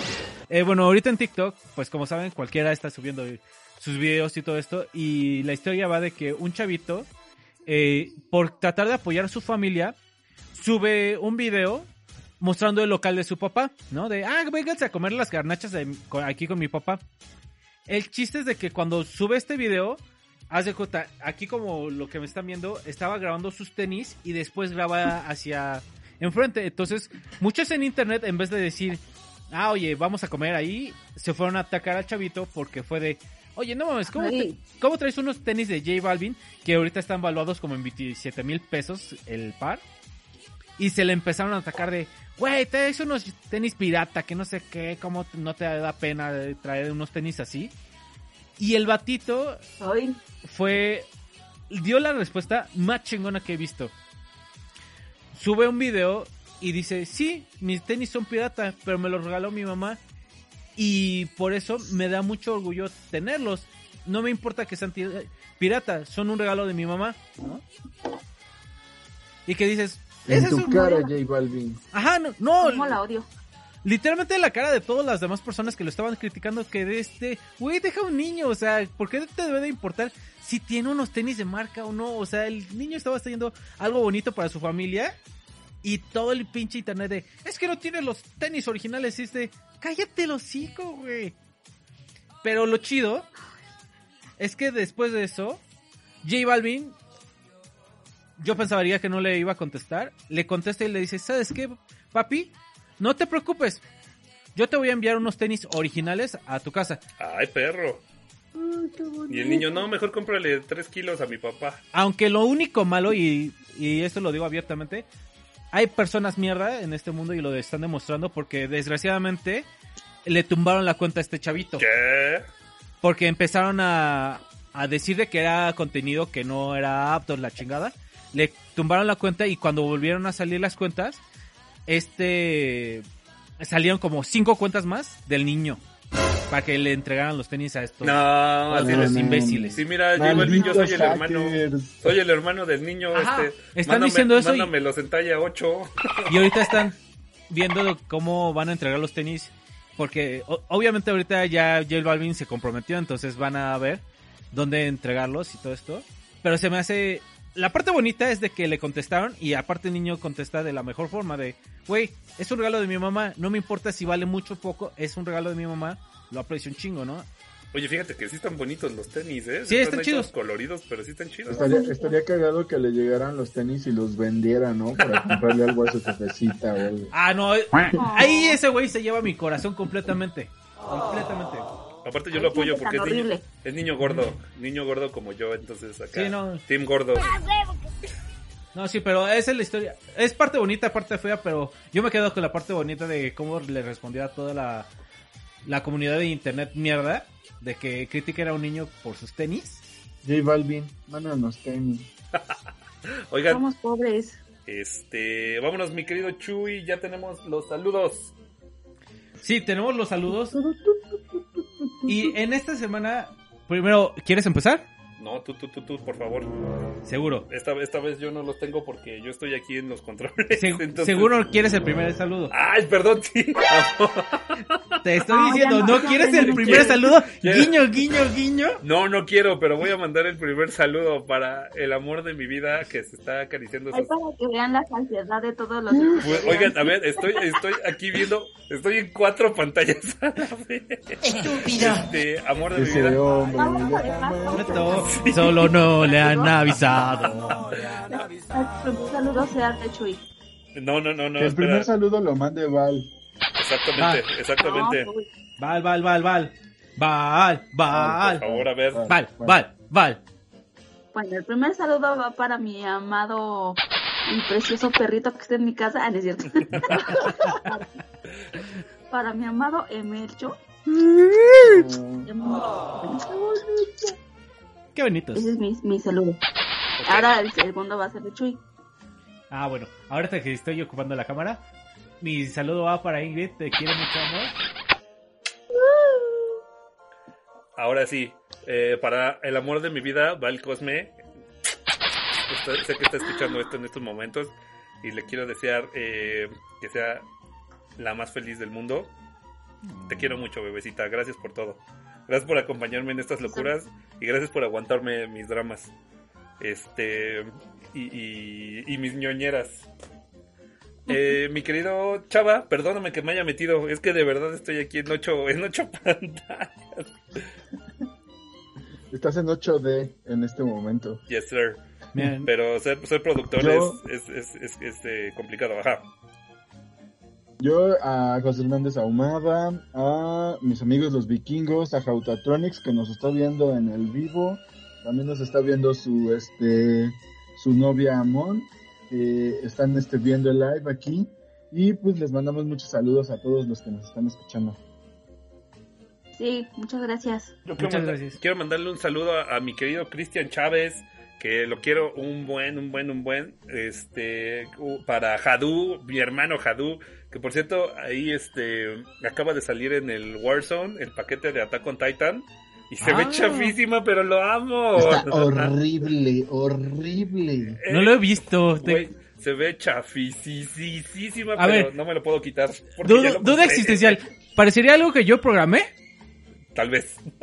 Ok. Parecería algo que hizo la 4T. Ahí te lo, así te lo voy a Ah, dejar, ok, no, no, no, no, no, entonces no, no, no está tan mal. Sería el, el que lo dibujaron, los que dibujaron el escudo de la, de, de la selección mexicana. Sí, A la verga, sí, ¿no? sí. Entonces sí, no. Sí, Está sí. horrendo. Ok, ya, ya, ya con Fíjate, eso me dijeron mucho. Te lo, te lo voy a poner rapidísimo ahí en el este en el en el video. Este, ¿a quién más quieren mandarle saludos? A Javi Deal, a Sabrina Ángel Ángel Cruz. Benavent. Ángel Ángel Benavent, mi hermano Ángel Ángel Benavent. Que ¿Él es que es- nunca ganan las encuestas? Ah, es- no, es Oye, el- no el- seas grosera. No, espérate, no, Yo lo quiero apoyar. Yo lo quiero no es que no gane, es que se está preparando para la victoria del año, como el Cruz Azul, el Atlas. Ah. O sea, espérenlo. No, no, no falta mucho, ¿eh? Ahora sí, no falta mucho. también para Iván, que también él, él siempre pide este la película esta de los seis, de los ridículos seis, y, y nomás no le da. También a Carlos Herrera, a Luis Nava. A la ratota sí ya lo había dicho. No, él di- dije a Cristian, ¿verdad? Este, a mi hermano la ratota y a, mi, y a mi hermano este David, Atzayacatl. ¿A quién, perdón? A Gus Díaz, te- que también nos ha estado escuchando últimamente y participando mucho ahí en el grupo. Ah, sí. vientos, vientos, vientos, vientos. Gracias por participar, gracias por unirse. Por favor, inviten a más gente. Necesitamos este que, que llevarle la buena onda a toda la bandera. A Melvin Cruz, también. A Sabrina, a Sabrina que, que es súper chida, a Sabrina Cruz. A nuestra pareja. Popper. A Simón, a, a Karasu A Karasu y, y a a, y a esta. No me digas, siempre, siempre lo recuerdo entre semanas. Siempre es esta. No puede ser, voy a, que- ya quedé igual otra vez. ¿Catrina no se llama? Caterina, Quedé ujú. Katrina, exactamente, perdón. Lo había dicho y no lo escuchó. Exactamente. Este, ¿a quién más? A Eric Ramírez, ahí a su podcast, el podcast Si- Sin Rostro. El podcast sin rostro, exactamente. A Tibirus Maje, Al Doggy, Que por cierto, Banano. que fue su cumpleaños Ajá. apenas del banano, ¿no? fue su cumpleaños Feliz cumpleaños, Banano. Feliz- Te mando un abrazo con todo y apretón de nalga. este. Algo quería decir. Ah, hablando de podcast, escuchen el podcast de Fausto en Spotify. Está pro, ¿eh? Sí, está bien chidorio. Este, ¿qué más? A este Julio, eh, arroba Jadú. Jadú, mi hermano Jadú, sí. ¿A quién? A Carlitos. A No, Car- digo de Fausto, pero si les gusta el crimen. Sí, sí, sí. ¿Tu amor quieres mandarle saludo a alguien? A todo el mundo, y ya. A todo el Así, mundo. todo el mundo. Al Richie, a... Richie que dijo que iba a grabar con nosotros y nada más no, no se presenta. Aquí que Cedillo, a Ingrid. Yo voy a estar con ustedes en el próximo capítulo. Sí, banda, ahora sí Esa voy es a mi estar. mejor imitación de... Ah, sí, por cierto. eh, también a, a Rodados, que son unos compas de ahí nuestros. Muchas gracias a los que participaron en Supermecánica de diciembre. Ahí me pasaron el chisme. Mientos. Oigan, y por cierto, otra cosa que quiero avisarles es que si alguien quiere acompañarnos a grabar, por favor siéntese libre de, de contactarnos. Ahí están en el stream nuestros, este, nuestras direcciones. A mí, digo, yo- el burro va al final, pero voy a empezar para que aquí se animen mis compañeros. Eh, a mí me pueden encontrar en arroba emelcho. En arroba rules pepe. En arroba insta-emanuel con doble M. A mí en todos lados como arroba balzombie. Y en Hora de Cultura Pop, estamos como Hora de Cultura Pop Facebook, en Twitter, Hora de Cultura Pop, todo sin espacios. En TikTok estamos igual como Hora de Cultura Pop. En Instagram estamos como Hora de guion bajo Pop. ¿Mm? Y pues neta, si alguien quiere, quiere unirse y hab- eh, hablar del tema que quiera con nosotros, obviamente tiene que ser de cultura pop, pues por favor este, avísenos y con todo el gusto del universo eh, lo podemos coordinar. Por ahí le había, había quedado con Ángel Benavent, pero pues ya, ya no concretamos. Mi hermano, si estás escuchando esto, por favor ya ponle fecha. Y pues Sí, vamos. Ángel, anímate, así nos vas a hacer ver la película que quieres que Ujú. veamos. Exactamente, porque la persona que viene tiene, tiene decisión de, de los temas. Entonces, pues ya, ya están todos de saludos, muchachos. Sí, y a los que nos falten, un abrazo con todo y apretón de nalga respetuosamente. A todos, Una- a todos, un abrazo de tamal a todos. A la banda, a la banda que nos acompañó en el stream, un millón de gracias, de verdad, de verdad, de verdad. Los queremos. Los queremos mucho. Eh, quienes, Los quien- quienes están escuchando esto en audio, por favor, acompáñenos. Eh, lo grabamos usualmente los viernes, pero pues casi casi es cuando se pueda. Este, Ahí les avisamos en la semana. En todas nuestras redes van a encontrar una notificación. Ah, por cierto, también pueden seguirnos en YouTube. Ahí estamos subiendo los cortos también de los episodios. Y los gameplays, que también Los hacemos. gameplays. Y como les decía, pueden, pueden vernos en video y aquí es sin cortes. O sea, el audio, el audio tiene producción, tiene cortes, tiene to- cosas que hicimos mal. Aquí no, aquí pueden vernos cómo somos, cómo soy menso y cómo sufro acá. Ah, con, to- con ocho cosas a la vez. La paranoia. Exactamente. Este, y pues.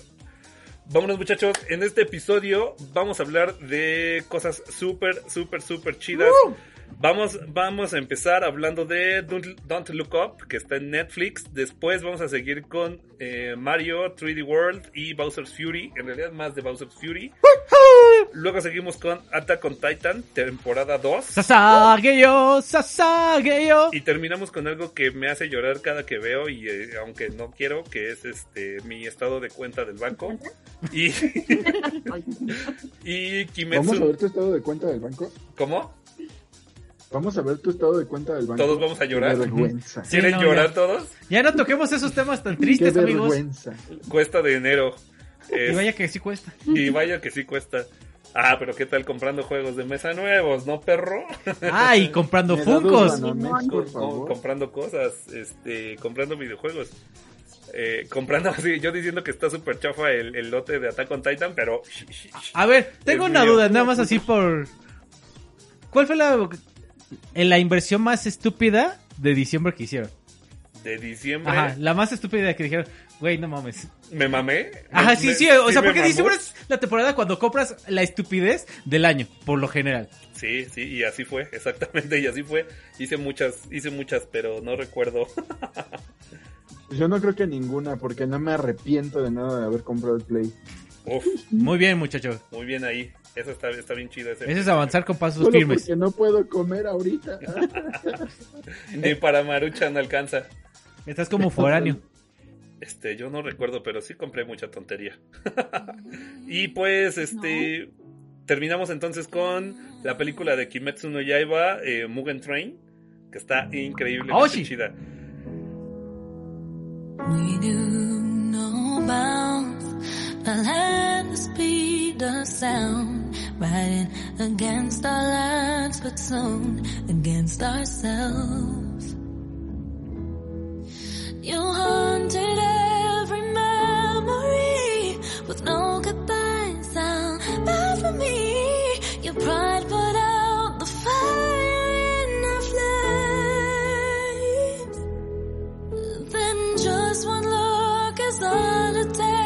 I feel your eyes, they're locked on every part of me.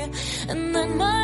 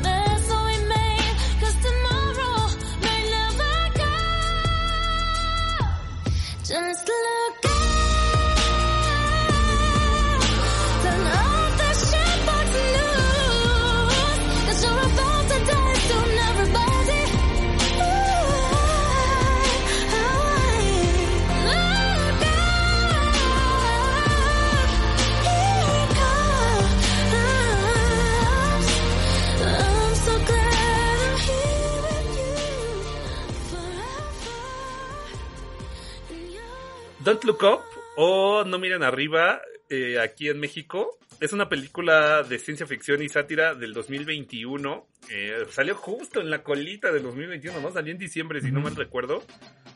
Y es dirigida por Adam McKay, protagonizada por Leonardo DiCaprio y Jennifer Lawrence. Y está, de verdad, de verdad, de verdad, es una genialidad. Es una genialidad que te, a la vez de que no sabes si, al, al- al mero principio no sabes si es de, de verdad o, o si es de broma o qué demonios está pasando. Ay, ¿Alguno la vio, muchachos? sí. De hecho, esa película lo que tiene, tengo que admitir que no la pude ver continua. Porque es, está tan bien hecha que para mí llega a ser incómoda porque es de puta, esto sí pasaría. O sea, exactamente eso pasaría. Había, muchos momentos en la película, ahorita entramos en la historia, no quiero eh, adelantar más, pero sí había momentos que decías, ay pendejos, ¿por qué hacen esto? Y, y me desesperaba tanto que Güey, tenía de- que ponerle pausa a la película y hacer otra cosa para relajarme. Deja tú, güey. Los mismos personajes dicen pendejos, está pasando Pasando esto. Sí, sí, sí. O sea, es muy buena y más por ejemplo las actuaciones. Ahí se ve Leonardo DiCaprio en su papel que dices, te, te transmite esa desesperación muy bien. O sea, aparte de que la historia es como que llega a desesperar lo que está pasando. Pero las actuaciones es como que, güey, esta sí es Meryl Streep la que hace de Meryl Streep, la presidenta. la presidenta. Presidenta. Es como que, verga, güey. Me cagó la madre, pero es muy buena actuación. Pues la de ella y la de su hijo, ¿no? De este Jonah Hill. Ah, Jonah Hill, Que sí. es como su secretario de Estado y a la vez es su mamá. Está, bueno, su- el hijo de ella está muy, muy cagado porque el güey es así todo un juniorzazo en un puesto crítico del gobierno, así de, ah, sí, esperen, ahorita voy a echarme un porrito. Incluso hay una escena súper tensa que dice, no mames, ya está pegando la tacha. Y así de, ¿qué demonios? Demonios. Pero bueno, a ver, eh, algo que quieran comentar muchachos antes de que empecemos a contar de qué va. Sí, o bueno, no sé si con más contexto más bien de lo que va también, como que, que se puede, puedo comentar un poquito más. No sé si, si quieres que lo, lo vaya medio platicando. Claro, Dale, O sea, dale. de, de lo que se trata es de que un- un- una científica que está haciendo su doctorado está científica. interpretada por, que, que está interpretada por, ¿cómo se llama? Jennifer Lawrence. J-Lo. Jennifer Lawrence este descubre que hay un cometa, descubre un cometa que no habían visto. Y después eh, en su medio celebración, su como asesor de tesis, que es Leonardo DiCaprio, Di- DiCaprio le dice o más bien se pone a trazar el rumbo de este de este, este asteroide, ¿no? Es que están súper emocionados, están celebrando así de, güey, encontramos un cometa, está chingón y todo el rollo. Le vamos a poner su nombre y todo el pedo y así, ¿no? Y como dices, empiezan a celebrar y dicen, a ver, a ver, profesor, ¿para dónde van, no? Y empieza a hacer ahí sus mate- matemáticas, sus matemágicas. Y está súper cool que empieza a hacer así como el conteo, el conteo, el conteo y, de- y empieza a bajar el conteo y le dice Jennifer Lawrence, oye, Y pero- está bien que eso llegue a cero. ajá, ¿por qué está bajando? ¿No? Y se queda así de, en la madre, es cierto, ¿no, güey? Y, y y eso ese güey así en vez de como que alertarlos a todos, eh, le dice a, a Jen- Jennifer Lawrence de, oye güey, tú quédate. Todos los demás, día libre güey, ya. Chingar a su A su madre. casa. Y, el- y esta morra de, ¿y yo qué, güey? Y es de, a ver, pendeja. Es que descubren que... Aquí pasa lo siguiente. O sea, porque de hecho no le habla bonito, es como no que pasa de. Pasó en Los Simpson, Los Simpson lo predijeron exactamente. Es que descubren que en 6 meses y 14 días exactos, se- el, el meteoro va a caer en- en la- a la Tierra, sí o sí, güey. O sea, no hay más, ¿no? Incluso hacen muchas veces ahí el cálculo y todo el rollo, y el, el meteoro va a impactar directo a la Tierra. Es un meteoro de 10 kilómetros de distancia, que es tres veces más grande que el que cayó en Yucatán. Es un- es- es- va a ser un descagadero, ¿no? que básicamente lo explican de la siguiente forma, porque dicen, no, pues si va a caer, eh, no es como que un impacto fulminante, es todos los mares se van a hacer olas así de nivel Yucatán, casi casi la ola, y No, nada, nada, nada va a sobrevivir, va a explotar esta madre, o sea, Exacto, sí, sí, sí, es- le va a aplicar un freezer a la Tierra, así para pronto. pero, ¿no? pero este freezer no va a durar cinco minutos de una semana, es, va a ser inminente ya. Ahora, la cosa es que eh, En el momento que quieran hablar, avísenme, ¿eh? muchachos. Yo acá voy a, Sí, sí. voy a entrarle porque de verdad Dale. yo la amé en el momento que la vi. Porque, como les dije, incluso el intro tarda un rato en cargar, en entrar. Este está súper serio, súper tenso. Leonardo DiCaprio inmediatamente le habla así a la NASA. Y los de la NASA, así de, ah, sí, hasta ahora, espérame. A ver, comunícame aquí a- al chido, ¿no? Y le hablan al secretario de Defensa Interplanetaria. ¿Qué? Y está- Dato curioso, sí existe Está esa cosa. cool sí porque lo muestran así de esto sí existe y ponen su logo y De, todo. de ¿no? hecho, lo an- anteriormente a esta película sí sabía que existía esta parte de... Pero, o sea, lo que me da risa es de que, o sea, sí creen que es como que de broma, pero es de, güey, es que sí se requiere parcialmente para una inminente...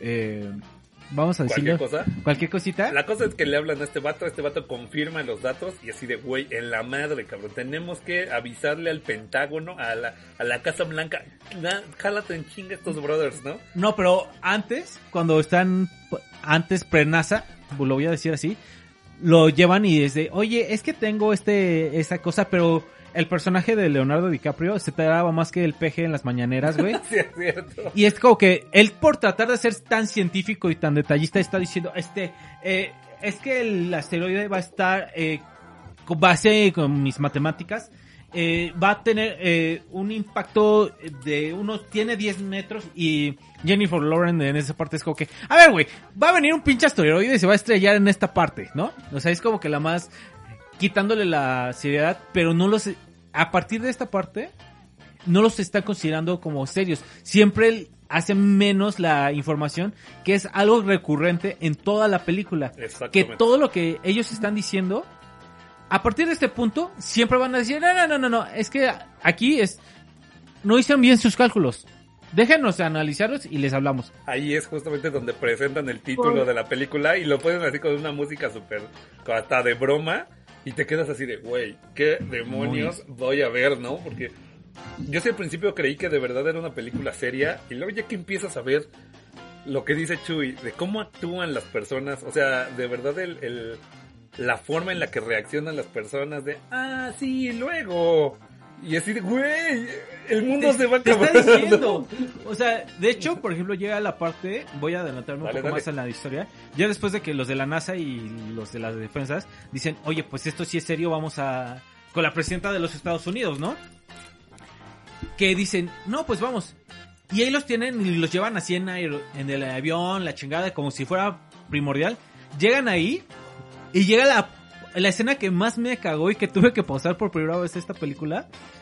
De lo incómodo que es, porque supuestamente llegan y los tienen ahí como 24 horas y no pasa nada. Y ya justamente cuando los van a atender, de, ay, a ver, este, ¿saben que vengan a mañana?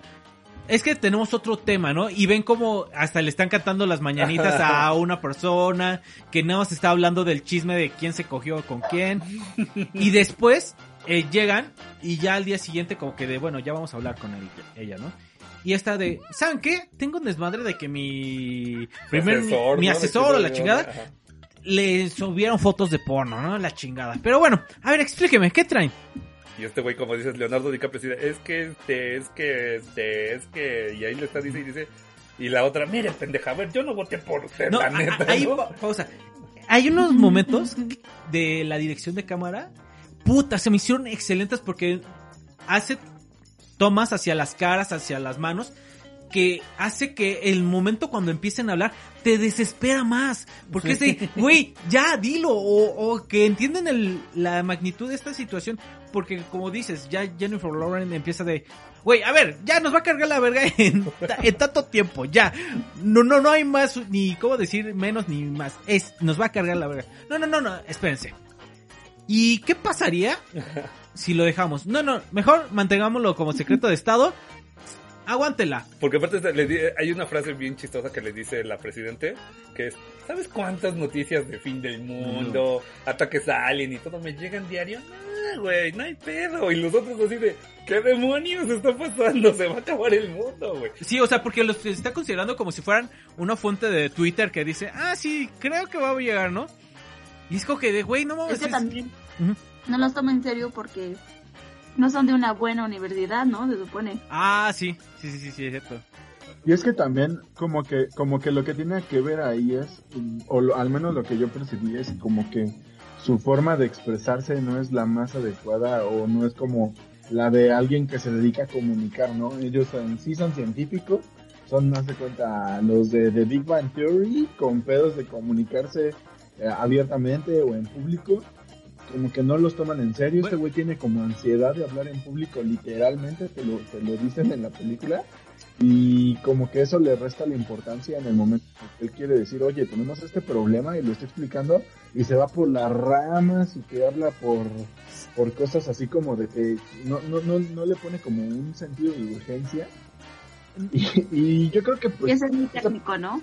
Ajá, sí, lo hace tan técnico que nadie le entiende lo que está pasando realmente y no llega al punto. Y la otra lo dice tan bruscamente que también la hacen ver como si estuviera loca y, y de plano también no le ponen atención, ¿no? ¿Sabes algo junto con lo que dice Chuy que, que me encanta?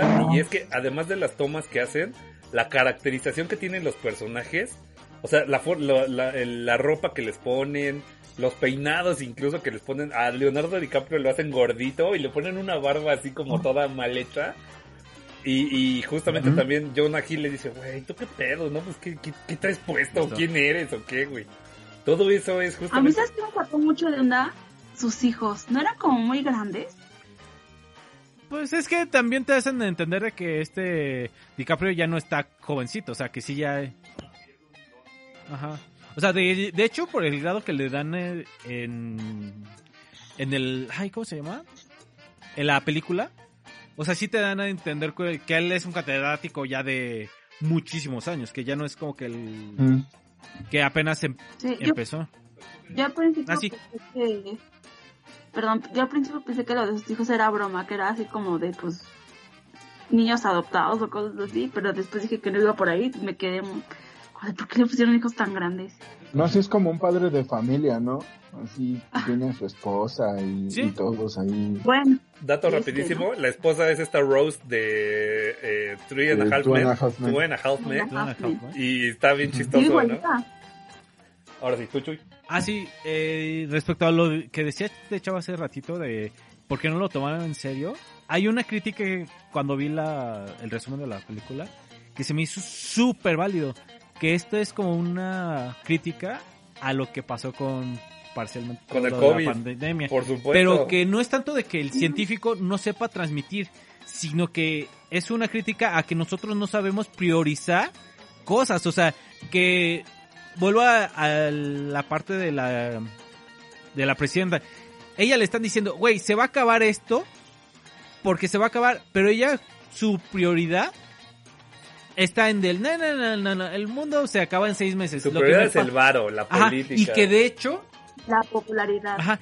De hecho, cuando le dicen la nota de esto, ella le dice, ¿sabes qué? Es que se vienen unas elecciones intermedias y si sale este desmadre, yo no voy a ganar, güey. Entonces, bye. O sea, no cuentes conmigo porque me quita votos. Y, y esa es de las partes incómodas de la película porque es muy cierto. güey. Ahí dices, verga, güey. O sea, al político no le importa tu seguridad, le importa el seguir ahí. Y es como que, ouch. eh, Es como que de las pedraditas que te va soltando la película.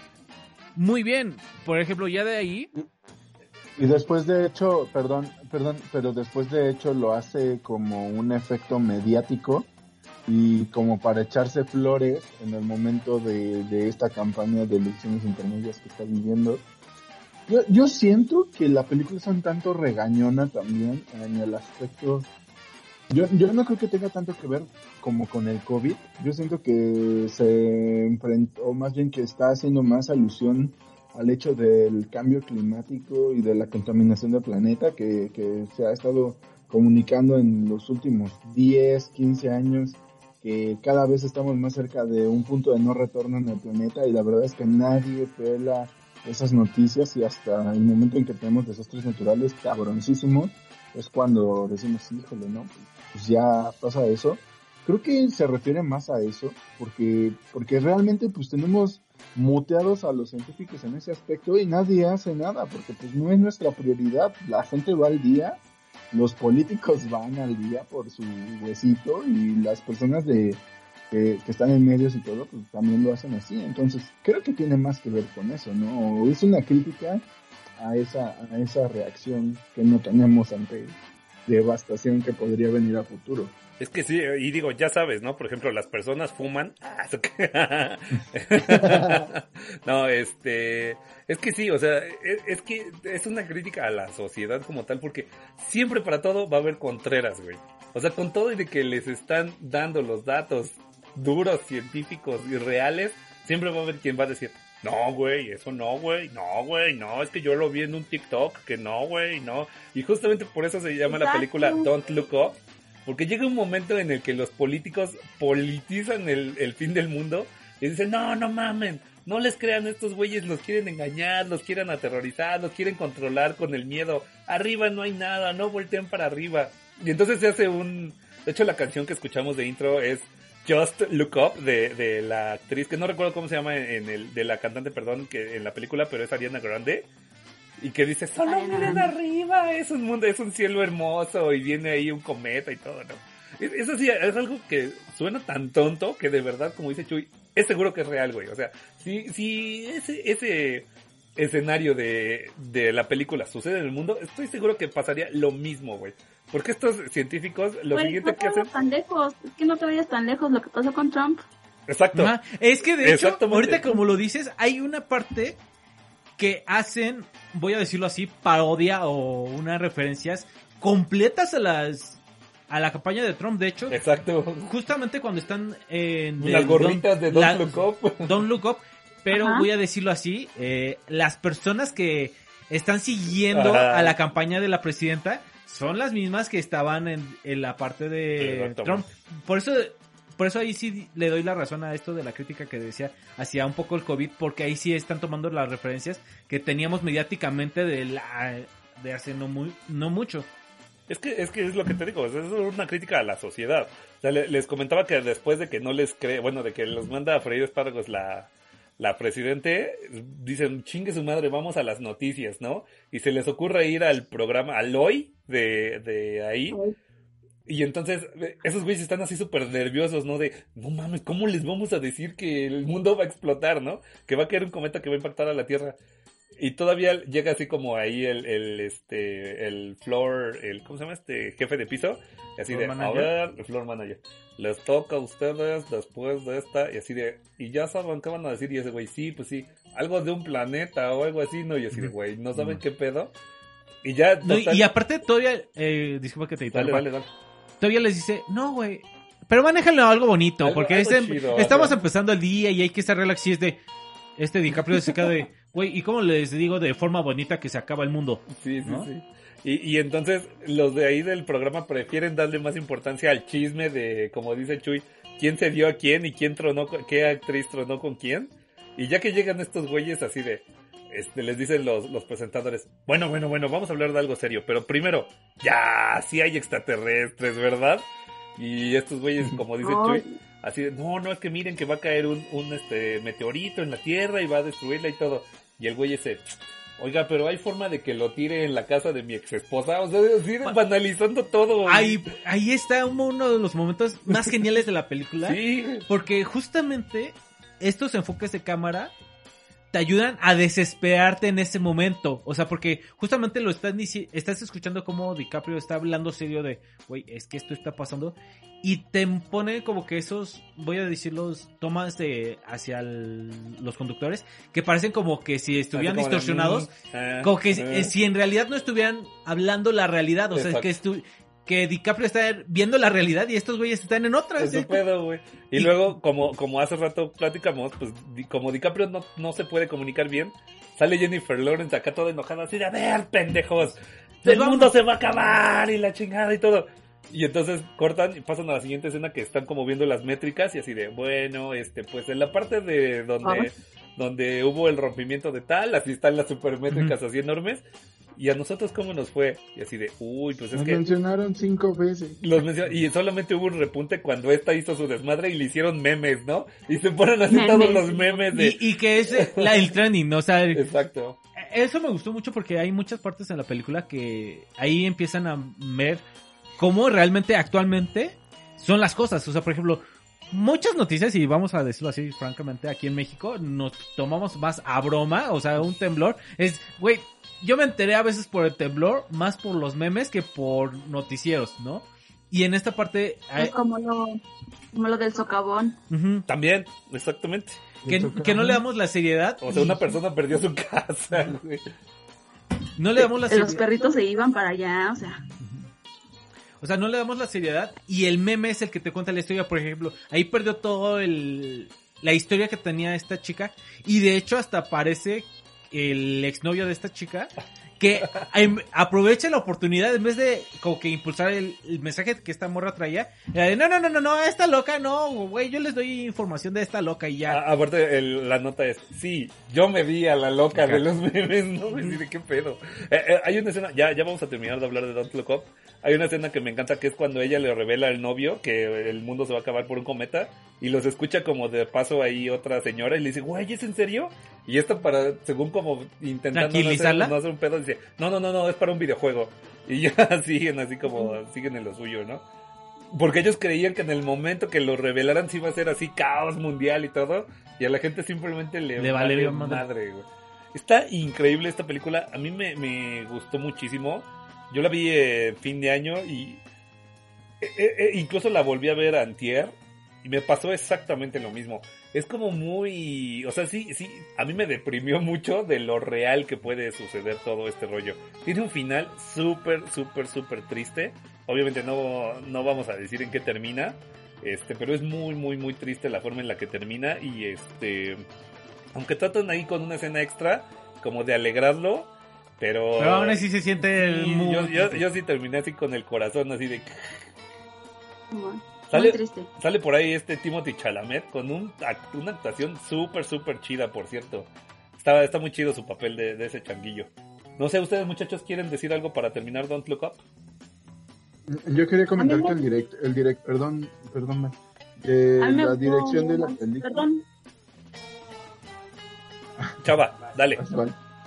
Vale. De, de la dirección de la película lo dirige Adam McKay. Él dirigió The Big Short con, con anterioridad. Y esa, esa película ganó, ganó un Oscar hace que 5, 7 años. También dirigió una película que se llama Vice, que, que también estuvo nominada en 2018. Eh, la, la temática justamente en The Big Short es como de la crisis que hubo en, en Estados Unidos por la venta de inmuebles y los créditos que se dieron tan disparados en algún momento. También hay una serie en Amazon Prime Video que se llama la, Esta bestia grande que es el dinero, en donde hablan de cosas de la economía, que cómo funcionan, explican qué es el lavado del dinero y hay muchísimas cosas. Y creo que eso como que complementa esta sátira que es esta película al respecto de nuestra realidad actual, de cómo actúa la sociedad, de cómo actúa el gobierno, de cómo son los científicos que no se saben expresar y no deben vender algunas cosas.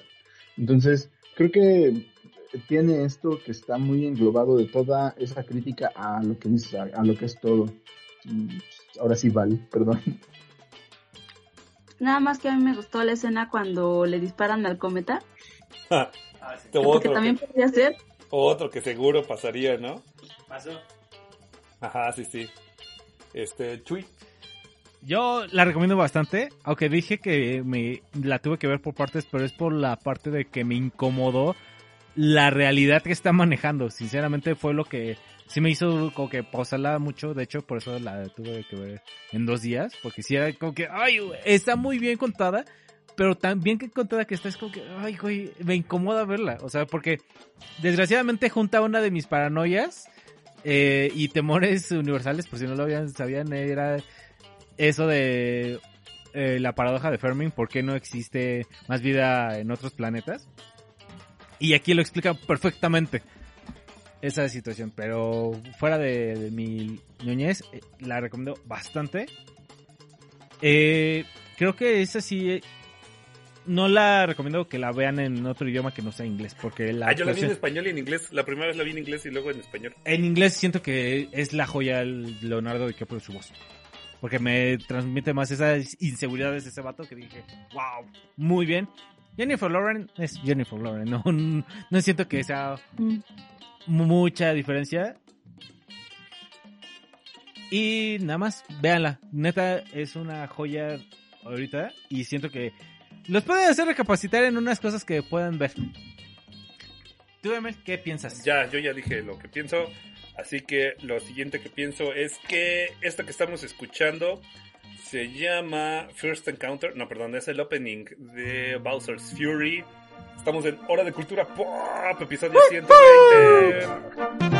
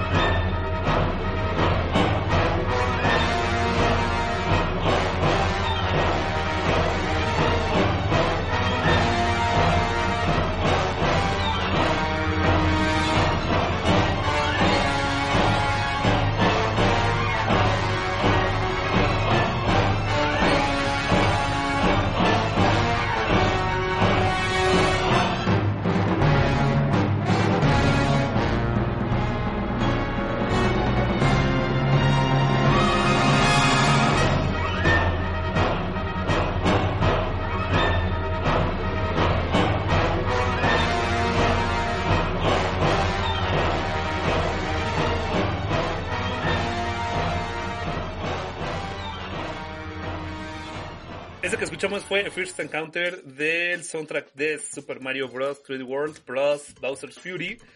Y este juego de Bowser's Fury eh, fue un juego que salió en el 2000, ¿qué? 2019, 2020. No más. Según yo No. es 2016, algo así. No, Ah, no. no están viejos, ¿eh? No, bueno, lo que pasa es que este, este juego de, de, de, de- de- perdón, de, de Super Mario 3D World fue un juego que salió en el, en el Wii U originalmente. Y pues Mm, obviamente todos sabemos lo que pasó con el Wii U, Ah, que, bueno. que no vendió nada. Entonces, este, pues obviamente, yo, yo sí apoyo el hecho de que Nintendo está rescatando todos esos juegos del Wii U que en la neta eran maravillosos y los está relanzando en el Switch. Este juego salió en el 2021 Ah, y este y le agregaron el pues como una especie de, de juego extra que se llama un nivel extra. pues más que un nivel sí es un jueguito, ¿eh? Sí. O sea, es que depende cómo lo veas. O sea, Son tres horitas muy buenas. güey. mm, pero si lo acabas completo. O sea, si te vas a la historia nada más para terminar el juego, es como una hora y media. Neta, yo sí tardé un ratito. No, es que yo. Es, este es de los juegos, como lo mencionamos ahora en el episodio especial. Que desgraciadamente yo no siento que valga la pena el invertir tanto en el juego. no manches. no, es, escucha el porqué. Eh, invertir de dinero, invertir Dinero, de- de- dinero, dinero. ¿Neta? O sea, es buen No, juego, No, manches, espérate. pero voy a un punto. O sea, yo ahorita estoy jugando los juegos, pero no para tener 100 de todas las cosas y todo esto. Si no es, acabo el juego, me la pasé bien, listo. Y en este es desgraciadamente de, ay, me faltó ese plus. O sea, voy a decir algo que muchos me van a odiar, pero por ejemplo, el Mario Yo- Sunshine Yo ya te estoy odiando. no me gusta y mucho porque luego repites demasiado los niveles. O sea, no puedes hacer una historia continua. Y sientes muy pausado esa parte. Solo eso es lo que no me gusta de Mario Sunshine. Es, Agárrame, Valeria, que lo mato. es buen juego y todo lo que quieras, pero eh, esas pausas a mí no me gustan. Por ejemplo, en, de- en el nivel que es de Bowser Fury, me gusta porque te ponen como que la pausa de, ah, es que viene Bowser. O sea, por eso no, no puedes continuar obteniendo todas las estrellas o todos los shines o lo que tengas que recolectar en esta parte. Y esto dije, ah, está bien, no, no tengo problema. Pero, por ejemplo, eh, en lo que son los demás Mario, sí es como que... O sea, tengo que pasar seis veces el juego, el mismo nivel, solo busco otra cosa diferente, como que eso a mí me llega a cansar, más porque ahorita los estoy jugando hasta acabarlos rápidamente, sinceramente. Pues más bien, creo que justamente por eso es que, no, bueno, no sé, también cada quien es, eh, eh, depende cómo juega. Pero Super Mario 3D World es una maravilla, es una genialidad de juego. Ah, sí, o sea, es muy bueno. O sea, pero por eso es, eh, digo de que es buen juego, pero para la- los relanzamientos que están costando los 60 dólares, es como que de, ay, Yo digo que sí los vale, eh, neta. Pero- Mario 3D World era un juego que incluso estaba adelantado a, a su época. sí, sí, sí estaba adelantado, pero el tema es, ¿cuánto tiempo promedio de alguien más lo estás jugando? O sea, yo lo pongo en, en esa balanza de cuánto tiempo tienes y cuánto es- lo estás disfrutando. Porque si me dices, eh, voy a poner el caso ahorita de los VR que, que ahorita los tenemos. Sabes que el juego te va a durar dos, tres horas, pero son tres horas que te la pasaste súper bien. Órale, pero los juegos así al inicio cuestan caros y ya después están bajando. Que sí te cuestan ahorita 400, 500 pesos. Digo, todavía lo vale, pero este que todavía te siga costando 1200 pesos. Pero Mario 3D World no dura, no dura tres horas o cuatro horas. El que dura Ya, pero- horas es Bowser ¿Cu- Fury. ¿Cuánto te dura en total el juego? No te dura Ah, mucho sí, también. Sí, sí te anda durando unas 10, 12 horas, güey. que es No sé, siento que, o bueno, a mi perspectiva, Chingue su madre, mañana lo acabamos. mañana todo. lo acabamos, chingue su madre, en vivo ya es Twitch, ahorita Ya está, se arma, ya está vendido. se arma la machaca. Es, es un juego Por muy- eso Nintendo patrocínanos para que no, para que tengamos como probar juegos. Esto se, esto se Nintendo patrocíname y cierro el hocico. Así. Ciérrame el hocico. a- ciérrame a- el hocico a billetazos. Cómprame Microsoft. este, no, no, no, no, eh, neta. Aunque tú Xbox puedes hacer me ojitos y No quiero, hablo no mal de quiero, los no quiero sonar a. ¿Cómo se llama el ese menso de Fighterson? No quiero sonar a, a Fighterson, pero es usted un estúpido, Chuy, porque ese juego es buenísimo. Neta, 3D Es muy bueno. O sea, no es estoy muy de- bueno 3D World y neta sí vale. Es que, fíjate, o sea, si vamos a poner, si nos vamos a, a partir del punto de que, de que 3D World es un juego de 1200 varos, también hay juegos de 1200 varos que son una mierda asquerosa. Por eso. Y duran 3 horas, güey, eso sí. Sí, sí, pero bajan, o sea, el mismo precio baja. Aquí es lo que me quejo es precios. Sí, Ni- Nintendo nunca va a bajar los O sea, precios. O sea, y es- Mario Kart sigue, eh, Zelda sigue costando los 1200 varos. Y por ejemplo, Zelda ahorita salió una promoción que ahí la puse en, Ah, en el grupo buena, ¿eh? de Zelda Y que, Metroid también. que estaba en 500 pesos Pero pues también, Zelda. pero pues también bajan por el tema de la calidad, ¿no? O sea, si el juego sí Pero, por no- ejemplo, ahí no me voy a, a una cosa. El Zelda, el Skyward Sword, estaba en 500 pesos, pero, por ejemplo, ese yo sí, ahorita que lo jugué dije, güey, vale, o sea, el- si lo hubiera dejado en los mil pesos, vale la pena si no jugaste el anterior, por cuántas horas estás invirtiendo, cuánto historia no te está dando, y la jugabilidad es muy buena. Aquí en el Mario, no digo que es una porquería porque me gustó, o sea, y de hecho el Bowser Fury, estoy diciendo de que el Mario Super Saiyajin me gustó bastante. Pero si es como que un ay, ese costo-beneficio, no sé qué tan balanceado esté en el juego. Yo- es yo es mi único sí. tema con este. Yo digo que sí los vale, güey. Eh, con todo y que es un juego viejito, o sea, neta, como dije, es un juego que salió en el, en el Wii U hace, hace ya unos buenos 6, 7 años. Pero pues ahorita en su relanzamiento, neta, sí, sí rifó. Y pues bueno, ya, ya llevamos unos minutos ahí hablando que sí, sí, que sí, no, como señoras albuenderas. Y venimos a hablar de Mario 3D World, perdón, de Bowser's Fury. Que es justamente esta expansión que le ponen al juego, obviamente para no venderlo como, como el mismo juego. En, en un E3 hace unos cuantos años anunciaron que iba a haber eh, una expansión del juego. Está muy chingón esta expansión porque no es la misma mecánica de 3D World. 3D World tiene una, una onda que es como el Mario 1, como el Mario de Nintendo, el ese, el viejito de que solamente Mario brincaba sobre los, sobre los bloques y sobre los Goombas, pero obviamente pues en un entorno 3D. Y aquí, y después en el Switch tuvimos este juego de Mario Odyssey, que es ahora sí ya un mundo semiabierto en 3D, todo este rollo.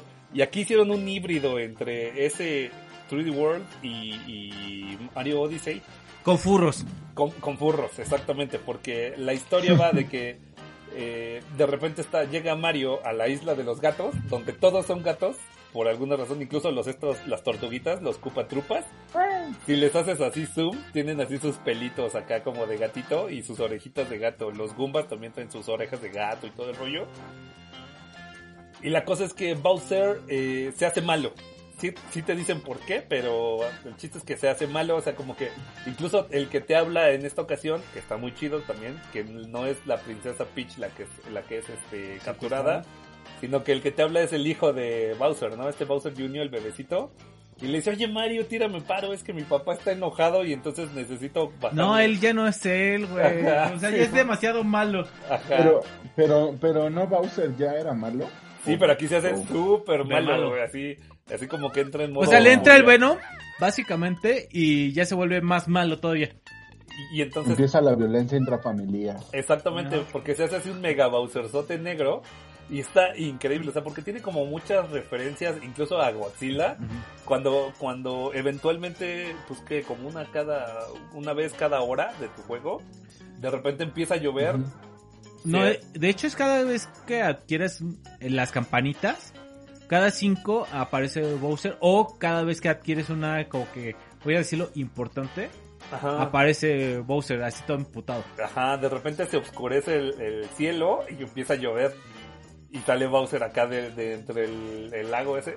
Es que estás en un archipiélago y entonces son como muchas islitas que Son tienes que visitar. siete islas. si no me Así es. Pero está súper chido porque puedes andar entre isla e isla pues, como si nada, ¿no? Traes ahí un dinosaurio, si no mal recuerdo. Sí, Que trae, lo usas así como... traes un Lapras básicamente Ajá, exacto, un Lapras. Y este, y andas entre las islas y en medio está el Bowser ese, el grandotote. Y la onda que Es tú un te- Bowser a cuatro, a cuatro pantallas, está estresado. Exacto, güey. A cuatro pantallas estresado, güey. Sí, sí, sí.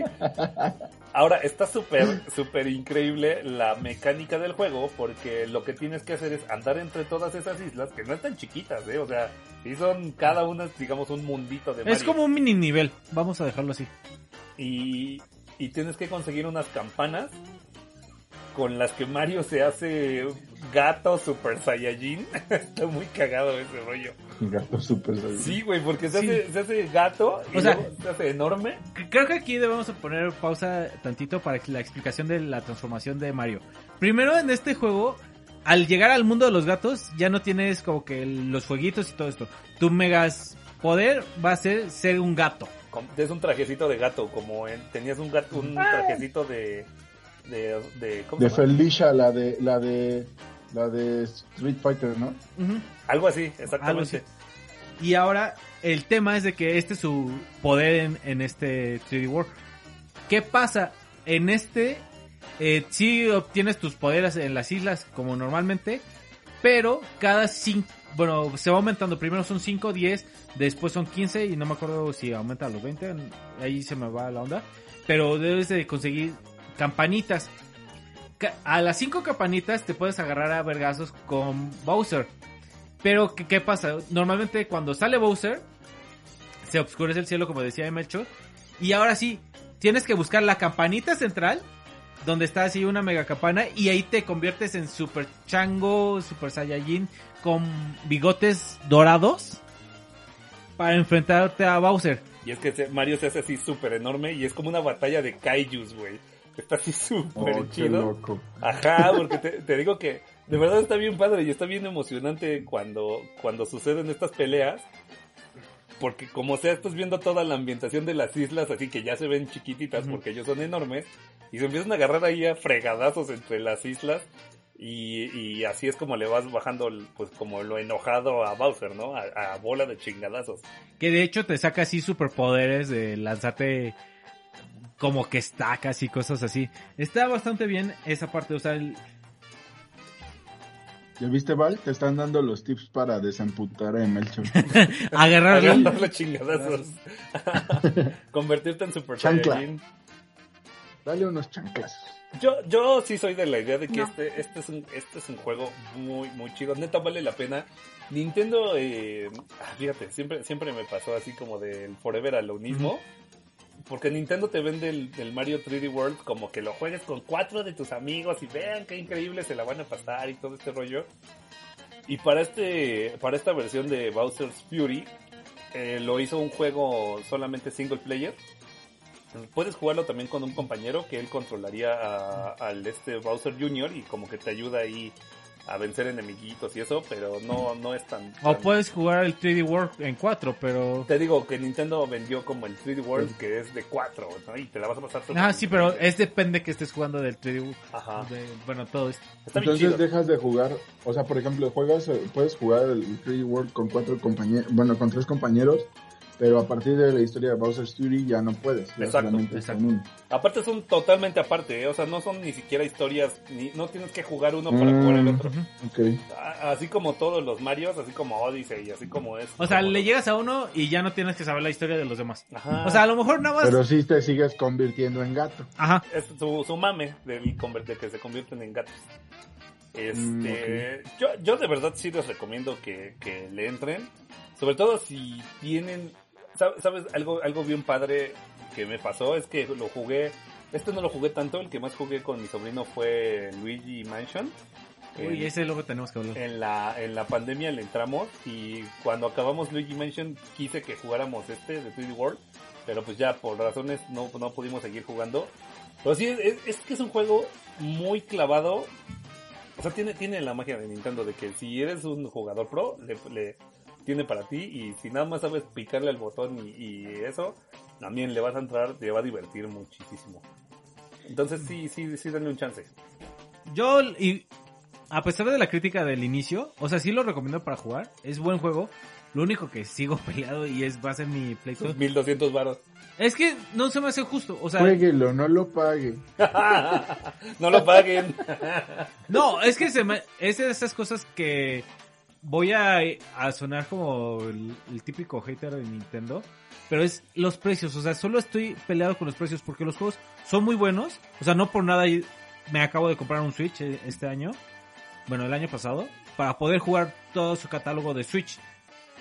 Que es demasiado bueno, pero sí es como que, de, ay, este me costó tanto. O sea, por ejemplo, ahora que estábamos hablando del Yoshi. Es un juego hermosísimo. Es que mira, bueno, Pero, Ajá. ¿Cuánto tiempo te da de juego? Ese, ese para que veas, ese sí, y ese también está en 1200 varos, y ese dura como 6 horas o 5 horas, güey. Me lo acabé en cuatro horas. Y además, por ejemplo, también están los esos relojitos que compramos, güey, los, los Game Watch, güey. Fueron 1500 varos por un juego de Game Boy, cabrón. O sea, es que Nintendo sí es casi como Apple, güey, de que te vende O sea, pero por ejemplo, los Game Watch todavía ahorita Lo están tocas, bajando. ¿no? pero están bajando. O sea, al final del día, estos digo, yo por pinche desesperada pagué más para tenerlo, ¿no? O sea, porque dije, va a ser limitado todo esto. Pero ya después es como que de, ah, baja. Y ya, ya no me peleo tanto de si está en 600 pesos y yo lo pagué el doble. ¿Qué? ¿Ya están 600? No me digas eso. Güey, el primer Game Boy Watch ya está como en 600. Me relleva la fregada. O sea, por eso digo, no me molesta, pero ya ahí estás diciendo, bueno, eh, es como todo juego. En el lanzamiento sale caro, va. Pero baja. Y Nintendo es de los que digo, no bajas y... No, Nintendo no baja, güey. De Sony, de todos te puedes esperar que bajen sus juegos. Y de Nintendo, ni mergas. De hecho, esa oferta de, de los Zeldas y los Metroids seguramente fue porque Liverpool pues tenía un, un stock grande y ahí la, la rebaja la hicieron ellos. Porque lo- ofertas de Nintendo nunca hay. ni de hecho, hay un dato curioso que el otro día me pasaron. Eh, tiendas oficiales no pueden hacer descuentos de las de los juegos de Nintendo. ¿No? Eso lo tienen por... Ajá. Alguna vez, hace, hace años les platiqué que ah, en el... No me acuerdo en qué tienda de Plaza Universidad estaba un, Yoshi's Attack de Nintendo 64 en los 1200 pesos, así, porque pues no pueden venderlo más barato. Pero bueno muchachos, pues eso fue todo por Bowser's Fury. Mi querido Chuy, ¿algo que quieras decir? Jueguelo, diviértanse. Oh, chinga, jueguenlo, no. Es que me gustó, o sea, no estoy diciendo... Jueguelo, no lo pague. O sea, no lo paguen a un precio. Si lo pueden comprar de segunda mano, Ándale. se me hace el precio más justo. Pues no sí. se me hace el precio de pagar mil pesos o cosas así. Se me hace un juego muy bueno, sí, pero no de- para el precio que lo tienen. Sí, No, sí sí, lo- Nintendo, yo sí digo que sí lo compren, ¿eh? Ahí Nintendo, si te quieres, este, mochar. yo digo lo compren, Este, pero a lo mejor pues- de segunda mano o cambien el juego con algún amigo y ahí estaría ahí nivelado costo-beneficio para mí. Pero bueno, ahí repito, es un juego muy bueno. eh, al final del día, del día es un Mario. O sea, casi es de esos juegos garantizados de, ah, lo compras, te vas a divertir. Jueguenlo, jueguenlo con alguien y se van a divertir. Amor, te prometo que lo vamos a jugar pronto. Tu carita, sí, huevo. Eso, a, ver, tengo una duda. Ah, disculpa, Bach. A ver, tú que lo jugaste, ¿qué te pareció las transformaciones a furros? Híjole. O Después sea, de- de- siendo sinceros, o sea, ¿te gustó cómo lo hicieron, la Sí. adaptación? Sí, me gustaron. So, mira, yo soy de los que aguantó la transformación de abejita en el Super Mario Odyssey, eh, ¿qué es Galaxy 2, güey? Es que, a mí, Peor no pudo haber, güey. es que a mí me gustaron las habilidades, Sí, está chido. pero no me gustó el cómo los dibujaron. Hasta Sí. a mí sí me gustó. A mí como que dije, eh, pudieron haberlos di- dibujado de otra Se ven forma. bonitos. Hasta el Sí boss se de ven furro está chido. Ah, vos el furro, sí. No. Están bien cagados, güey. Pero bueno, eh, nosotros vamos a nuestro siguiente tema. Y regresamos, estamos en Hora de Cultura Pop. Y síguenos en todas nuestras redes sociales como arroba hora de cultura pop.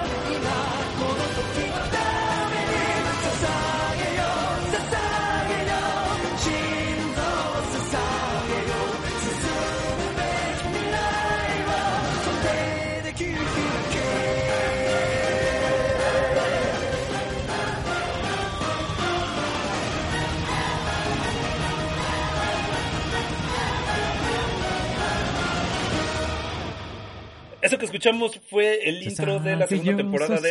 Attack on Titan. Que por cierto es la canción que más me gusta de intro de las cuatro. Es que está súper súper emocionante. Incluso cuando ves el intro y así que van corriendo todos, así a, a reventar, a partirse la madre. No, y aparte lo que dice la cancioncita, se- Y- Promete. Y, así su corazoncito acá palpitándoles, ¿no? Está, está muy, muy, muy cool. Attack on Titan, ya habíamos hablado de la primera temporada hace unos cuantos episodios, ahí por si quieren darle una checada. Y esta vez nos toca hablar de la segunda temporada que se estrenó en el 2017. Esta es la temporada más cortita, solamente son, si no me recuerdo, 8 o 10 episodios de las cuatro. Son 12. ¿Son 12 de esta temporada? Porque de las otras son veintitantos. Y... No, también son 12. ¿Neta? Bueno, es que la El cuarta, acuérdate que, que la parten a la mitad. El sí. La cosa es que a mi gusto es de las cuatro la más floja, pero eso no quiere decir que sea mala. Es una pinche ¿Sí chingonería. crees que es la floja? Sí, güey, no manches. Yo güey. siento que es como que de... O sea, no te cuenta tanto de la historia, pero te deja... Empieza como que contarte los hilos Sí. que van a venir. O sea, por eso no se me hace tan floja esa parte. Más bien no, sí te cuenta mucho, pero no pasa tanto. Más bien dicho, pasa mucho, pero no te cuentan tanto. Ah, cabrón. O sea, porque hay muchas cosas que pasan en ese momento, pero no te dicen, esto está pasando por esto, esto está pasando por esto. Sino es de... Luego te enteras, papi, luego te enteras. a ver, muchachos, ¿ustedes la vieron? Sí, la vi. Perdón, amor, te hice que vieras Attack on Titan. Sí, lo logré. Manita. A mí me gustó mucho, la verdad, yo no había visto nada y este empecé desde la primera temporada, ya voy en la tercera y de verdad sí está bien chida. Yo no me esperaba como tanto giro. Pues dije, pues va a ser otro otro anime más, pero no, sí está buena, sí está Está como que bien intrigosa. Es que exactamente eso es lo padre que tiene, que es una... Yo eh, en la primera vez que la vi, yo también no la había visto, o sea, vi la primera temporada cuando hablamos de ella y luego ya se me olvidó y ahora en pandemia eh, pues dije, ah, ¿qué hago? no Así como de esas veces que estás acá de ya necesito hacer algo y me vi todo Attack on Titan segunda, tercera y cuarta temporada ya estaban No, no manches, quedé así de, güey, está increíble, necesito hablar con alguien de esto, está perrísima. Yo la comparé mucho con Game of Thrones en ese momento que la vi, porque justamente todo son to- esta pelea de humanos contra humanos que, que, que empieza, empieza a pasar, habiendo un problema literalmente mayor a, a pues, enfrente de ellos, ¿no? Un problema titánico enfrente de ellos. ¿no? Literalmente. Entonces, esta- estamos viendo, la primera temporada termina cuando se revela que esta chica que era su compañera, Annie Lockhart, es un titán, además de Eren. No, todavía no sé. Sí, porque pelean con Annie y la No, capturan. no, no, no. No, porque al Sí, final ¿no? de la temporada es justamente cuando regresan después de la titán hembra, que bueno, en esta Por- pues, temporada... es Annie. Sí, pero todavía nadie se dice que es Sí, ella. pues ya la capturaron. No, porque justamente la primera, la, la segunda temporada empieza con que la van a hacer el, como que su, ay, ¿cómo se dice? Su- Emboscada. Ajá. Pero pues ya, güey, ya estaba capturada. O sea, se hace, el al mero, mero, mero principio, Annie ya no, no figura. Porque se hace ahí su capullo de, De cristal. de cristal. se vuelve Camus de acuario. La primera temporada termina con el cliffhanger de que se rompe un pedacito de una de las murallas en donde están y se revela que hay un titán adentro de esa madre, güey. Pero que se les queda viendo así de, ah. ¿Qué bolas? ¿Qué pato? y en ese momento tú como espectador te quedas de ¿qué demonios? ¿De qué está pasando, güey? Y ah, de hecho ahí, ahorita que lo mencionas, ahí empieza una de las incógnitas porque hay una, ¿cómo se dice? Una secta Mm. que no te habían explicado anteriormente, que son los güeyes que creen en, en las tres eh, murallas, ¿no? Rosemary y no me acuerdo cómo se llaman las otras. María. Y, María y... Bueno, las de estas murallas. Y que este güey les dice, cubran a este güey porque si no nos va a coger. ¿no? Sí, así de, a ver, no tengo tiempo para explicar, Ajá. cúbranlo. Y este güey de... Todos se quedan de... ¿Y cómo sabes que deben de ocultarlo? Hay cosas que no deben de saber, chavos. Eh, justamente eh, esta temporada, a ver, yo, yo creo que pues sí, sí tenemos que hablar un poquito con spoilers de ella, con todo. y- Spoiler alert. Porque a final de cuentas es una de las temporadas intermedias y créanme, lo que pasa aquí no es ni exponencialmente la locura que va a pasar. O sea, ya cuando llegan a la cuarta temporada es una... eh, Está viajadísimo lo que pasa. Viajadísimo de chido, ¿eh? No viajadísimo. Es que aquí te dan las armas para lo ¿Están demás. peleando en el espacio? Mm, Pues no, pero no, pero pasa algo que justamente algo que me preguntaba yo mucho al principio es pues qué demonios, ¿no? O sea, poco solamente es ese país en todo el mundo, o sea, todo el mundo está cubierto de titanes o qué chingados está pasando. Y como dice Pues Chuy, es que sí te lo dicen. exactamente, como dice Chuy, aquí es en donde te empiezan a explicar las bases de qué demonios está pasando y qué hay más afuera. Eh, eh, eh, incluso lo dice Eren de, pues qué, qué pasa cuando llegamos al mar, qué hay después del El mar, mar. ¿no?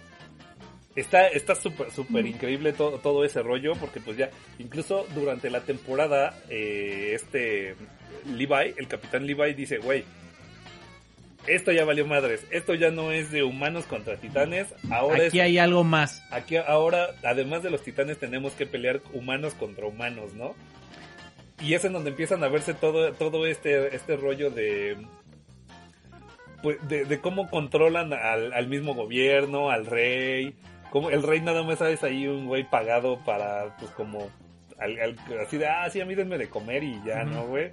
Y, y en realidad quienes están controlando los hilos son esta secta que dice Chuy y pues todo obviamente a su conveniencia, ¿no? De cosas que pues sucedieron incluso, no me acuerdo si 100 años o 1000 años antes, Ujú. y, y que casi casi el rey de esa época les dejó ahí la, la, la- el- el- el- las reglas de qué tenía que pasar y cómo tenía que comportarse Bueno, la que- humanidad. Sí, sí, sí, por eso estoy diciendo Sí, sí, así sí. nada más. Entonces, eh, durante esta temporada, como dije, la pelea es humanos contra humanos y vemos como hay traidores en el mismo grupo de, del, del este cuerpo de, de ¿cómo se llama? De scouts. Ajá, son Bueno, scouts, pero ¿cómo les dicen? De... Los buscadores. Ay, se me fue el nombre de esta cosa. Ah, bueno, se me olvidó. Ah, son... De rastreo, ¿no? De avanzado. Unidad de rastreo. Bueno, los que salen al mundo. De los scouts, pues, por pronto. Vamos a decirles Explorar. scouts a mejores. ¿De qué? para explorar. Ándale, el cuerpo de exploración, así se Ah, llama. el cuerpo de exploración. Y, y e- está bien triste porque, como dije, pues durante todas las dos temporadas eh, tú te encariñaste con los personajes y de repente que te revelen que dos de ellos son, son este, traidores y que dos y que ellos fueron los que causaron el, pues la La madriza- devastación. la devastación de la primera temporada está súper cabrón, ¿no? Yo me acuerdo cuando, porque incluso cuando lo revelan, están ahí mismo parados sobre la muralla y dicen, no, la neta yo soy este, y yo hice esto y esto y esto, y tú te quedas así de, ¿qué? ¿De verdad está pasando esto? Y en eso, madres, güey, se convierten en titán ahí mismo en la muralla y todos se quedan de, ¿qué demonios? Aquí ¿Estás hay... hablando de Eren y de Annie? Por lo que No? Annie ya había pasado. Annie, Annie te digo, Annie Ah, la ok. besan en la primera temporada y eh, es capturada. Y de hecho, ahorita Sí. los dos son eran también compañeros de Eren, que ellos se vuelven el titán acorazado y el titán gigante, o cómo, cómo es? El colosal. Pero justamente, Colosal. justamente aquí hay una parte que me empezó a gustar más la serie, que aquí empiezan a desarrollar a todos los personajes, que no hay como que el pequeñito, el X, no, no, no, no. Como lo, bien lo decías, ese estilo Juego de Tronos que te quieren encariñar con todos porque todos te van a contar parte de su historia a la vez. Y que todos tienen como que algo muy importante, pero no lo sabes en el momento. De, oye, este güey va a pasar esto, pero no, no, sabes qué, qué está ocurriendo. De hecho, justamente antes de que supieran de las identidades de estos titanes, se enteran de otra titán que antes, en esta parte, eh, ya como habían eh, atrapado a Annie, estaban diciendo, güey, ¿y qué tal si en su misma grupillo de, scouts hay otro güey, ¿no? O otros titanes. Vamos a, los mandan a como que a inspeccionar y es cuando supuestamente se rompe la muralla que entran titanes. Cuando pasa esto, estos güeyes pues dicen, güey, pues ya no los podemos estar investigando, sino, órale, empiezan a avisar a todos los pueblitos que ya entraron los titanes y vámonos. Entonces, justamente estos güeyes como que quedan atrapados en una cornisa y aquí hay dos hechos importantes. Una que empezamos a ver al gigante bestia o titán bestia y aparte nos enteramos de que un- hay dos cosas aquí relevantes. O que había otra titán aparte de los dos sospechosos y hay una como princesa o reina que nada más te dice, es importante. No te han- en esta temporada, no se preocupen, no les vamos a decir qué pasa, pero sí te dicen, esta vieja es el punto más importante de todo este desmadre. O sea, me valen madres todos los demás. Esta morra es la que importa. O sea, Por la sangre real. Sí, sí, sí, no por, no por, Por la mame, sangre. sino porque su sangre real conecta con toda la dinastía titánica. Algo, algo que bien importante, no sé, ¿ustedes quieren hablar muchachos?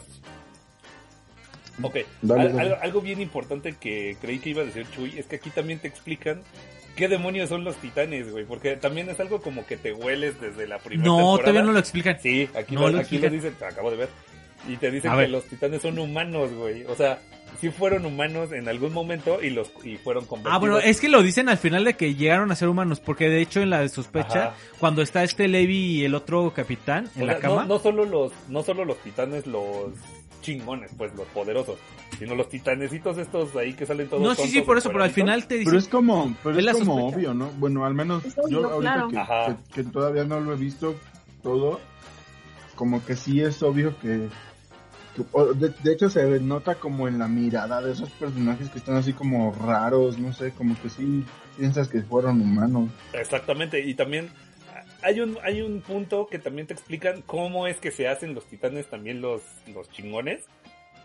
Y es que para... ¿Sí, sí lo puedo contar? no, todavía no Ok, sale. no lo- Esta sí, segunda, no, en la segunda no sale. Te lo Eh, puedo apostar que sí, no sale. en la tercera. En la tercera te explican. Pero, Este, pero bueno, no, no, no voy a contar tanto spoiler. Pero... Ya cuéntenlo, los fans de Attack Titan ya lo vieron. No, pero queremos tener tercera temporada. Exacto- Vamos a, exactamente. o sea- este, hay algo, algo iba a decir ahorita de eso de los, de los titanes. Pero, pero bueno, que son de humanos, ¿no? Ajá, la cosa es que, la cosa es que como dije, hay un par de, del cuerpo este que, que se, que traicionan ya definitivamente al, al, al, al grupo Y su intención es raptar a Eren. Justamente por eso dije que están en Como una de siempre. las murallas. Y se convierten. Y la intención es raptar a Eren. Él se volvió Peach en esta is- historia, ¿se dan cuenta? Sí, Siempre. sí, sí. Y, y raptar tanto a Eren como a esta chica, le voy a llamar Historia, para no revelar quién es.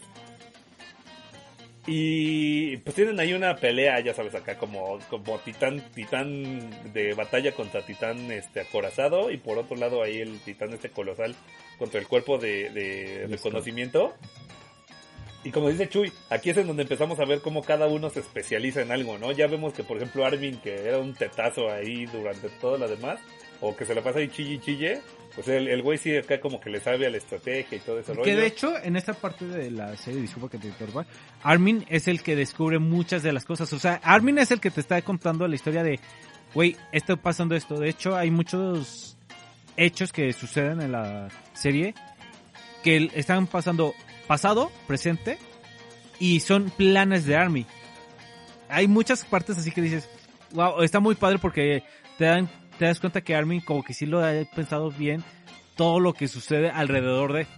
De hecho que cuando eh, ya descubren al titán colosal y al acorazado, Armin ya los había pensado, estos güeyes son, y de hecho por eso no se los abrochan tanto a estos güeyes, porque ya estaban previ- previniendo de que estos güeyes iban a hacer un ataque o que se iban a llevar a Eren.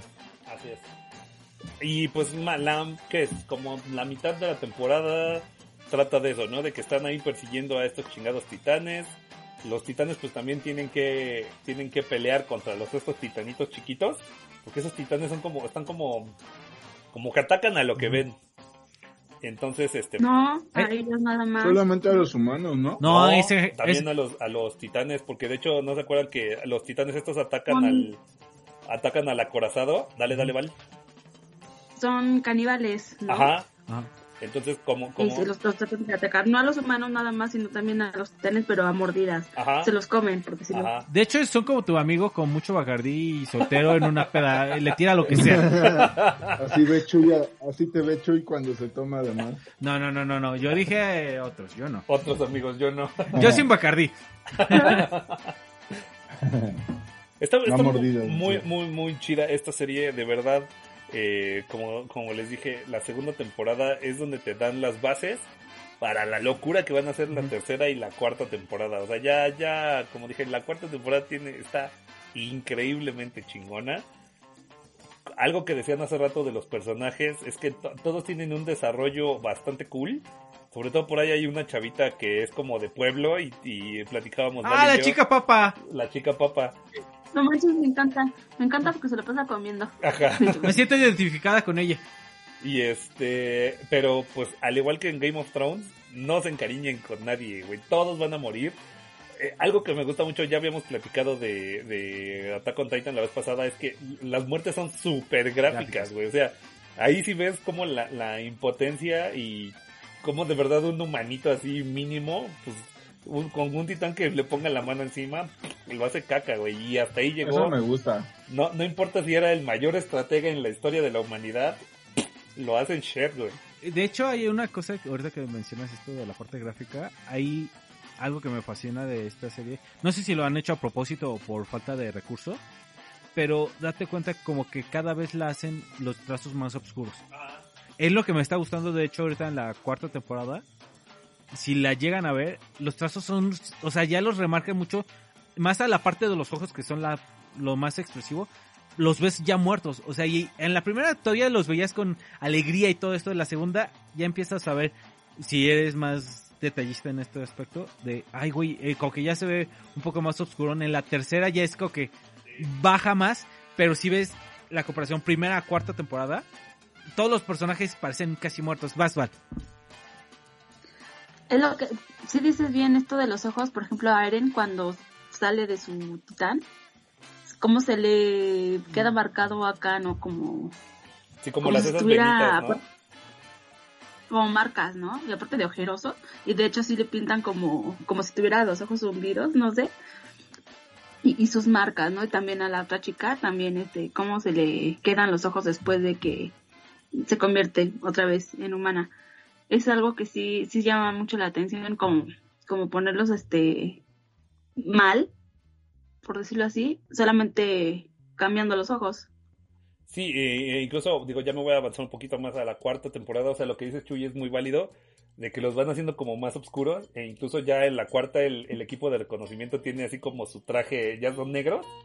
Y este, y ya se ven así totalmente sombríos los güeyes, ¿no? Es que ya no se ven sin alma, güey. Súper diferente, güey. O sea, ¿eh? se ven sin alma los Ajá, güeyes por exactamente. lo mismo, la historia va tan cruda Ajá.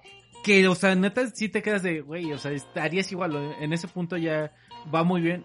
Y lo que me gustó de esta segunda temporada, que era lo que te decía al inicio, es que esta da la ramificación a todas las historias Así que se vienen. O sea, por eso no la sentí tan floja, porque dije, es que esta era como que el nexo que requerías para Sí. una, abrirte la pregunta de, oye, ¿y qué pasa acá?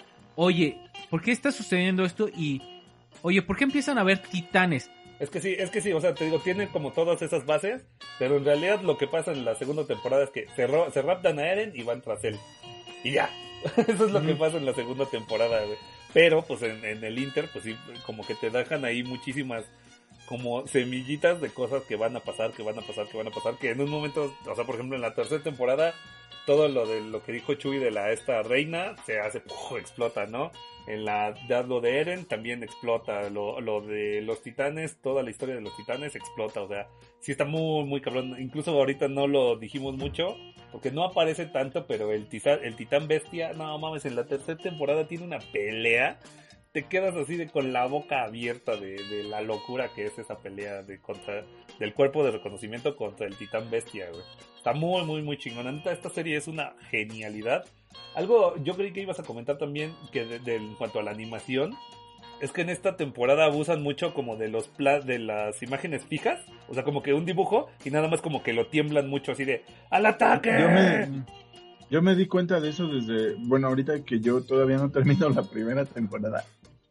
Este, como que sí me di cuenta de eso, como que usan mucho planos fijos Ajá, y solo van moviendo la cámara y van poniendo ahí discursos Simón. o van poniendo o van poniendo cosas así. O sea, eso que decía Chuy como de que a lo mejor tenían más profundidad o así. Yo me doy cuenta como que hacen un poquillo de trampa para matarle tiempo al, Claro, al- Sí, al pues, anime, pero imagínate. pero como que sí, a mí llega a distraerme ver la imagen así. Están ahí, este, sin nada, nada más, este, abriendo la boca y nada más escucha el discurso así, súper emotivo, ¿no? Pero, pues vaya, o sea, la neta es que también está muy entretenida, al menos en lo que yo llevo y, y sí me está gustando bastante. Val. Yo sí quiero decir que, o sea, la pueden ver en Crunchyroll y sí vale mucho la pena pagarlo. Eh, pueden verlo en subtitulado o en español y está muy chido eso. Igual viene en otros idiomas, pero es que por ahí eh, en esta semana no sé por qué muchos decían que Crunchyroll no valía la pena. Yo sí, sí lo vale. si ves mucho, no sé, es serie o, o eres muy fan del anime, sí, sí está chido. Sí, sí, es que lo comparaban mucho con aplicaciones, ya sabes, como con de Apple, de HBO. Yo considero que sí está buena. Fíjate Yo que... pienso que esas, eh, esas apps eh, han, han estado comentando que últimamente que va a haber como negociaciones de fusionarlas con otras con otras este aplicaciones de streaming como Netflix o así, porque pues, la neta es que ya son demasiadas. o sea. Estamos hablando, Netflix cuesta 300 varitos ya. y Ah, ¿verdad, perro? aparte Yo llevo quejándome de esos meses. Llevas seis capítulos llorando por eso. Y, y esta vez hablamos de Don't Sí, Look Up. Y aparte quieres que pague Crunchyroll y Funimation. Es que, ¿sabes qué? Por ejemplo, nosotros, yo sí vi, como les dije, yo vi eh, durante pandemia, yo sí vi el Attack on Titan en Crunchyroll, pero de gratis. Yo como que no tenía problemas con los comerciales, Val ya dijo, ni madres, Vale me dijo, ni madres, no voy a ver No, son comerciales. cada tres minutos. sí. Es que sí, o sea, por ejemplo, si ves un episodios esporádicos, no hay tanto tema, pero si estás viendo la serie continua así, esos tres minutos constantes sí te quitan demasiado tiempo de la historia. A mí, a mí sí me gustaba acá de, conviértete en un fan. ¿Y qué, qué decía? Cada episodio que ves contribuye con la industria que tanto te gusta. Estaban súper chistosos. No, sí. Es que miren, si el capítulo dura 20 minutos y son tres este pausas para comerciales y son largos los comerciales y no los puedes parar así como que dijeras ay omitir no se puede entonces sí es bastante pues no sé, te estás en medio de la batalla y te interrumpe, pues la verdad no está chido. Vale la pena pagarlo, pero sí ya son demasiados. Sí estaría bien que unieran algunas aplicaciones, pero pues ya se mancharon. Mira, yo, yo por ejemplo, Pero vale la pena. también, o sea, la neta es que también el- la recuperación de tu tiempo es algo invaluable, o sea, es algo que me está pasando con el, con el YouTube Premium, que también no sabes lo hermoso que es no ver comerciales hasta que de plano ya lo tienes, ¿no? Este, porque ponles una tontería, como mi- mis amigos me decían, güey, pues te esperas y le quitas. Pues sí, cabrón, pero estás viendo algo y se pone un pinche comercial y... Con Wix puedes hacer tu página web y tú así de, ay, ya cállate Luisito, comunica, no, no me interesa. Y, y ya te meten de a tres comerciales. Y estos güeyes también de Crunchy, Exacto. hasta te Y ya te ponen... los ponen de a huevo de a 16 segundos. Dale, mamá. Exactamente.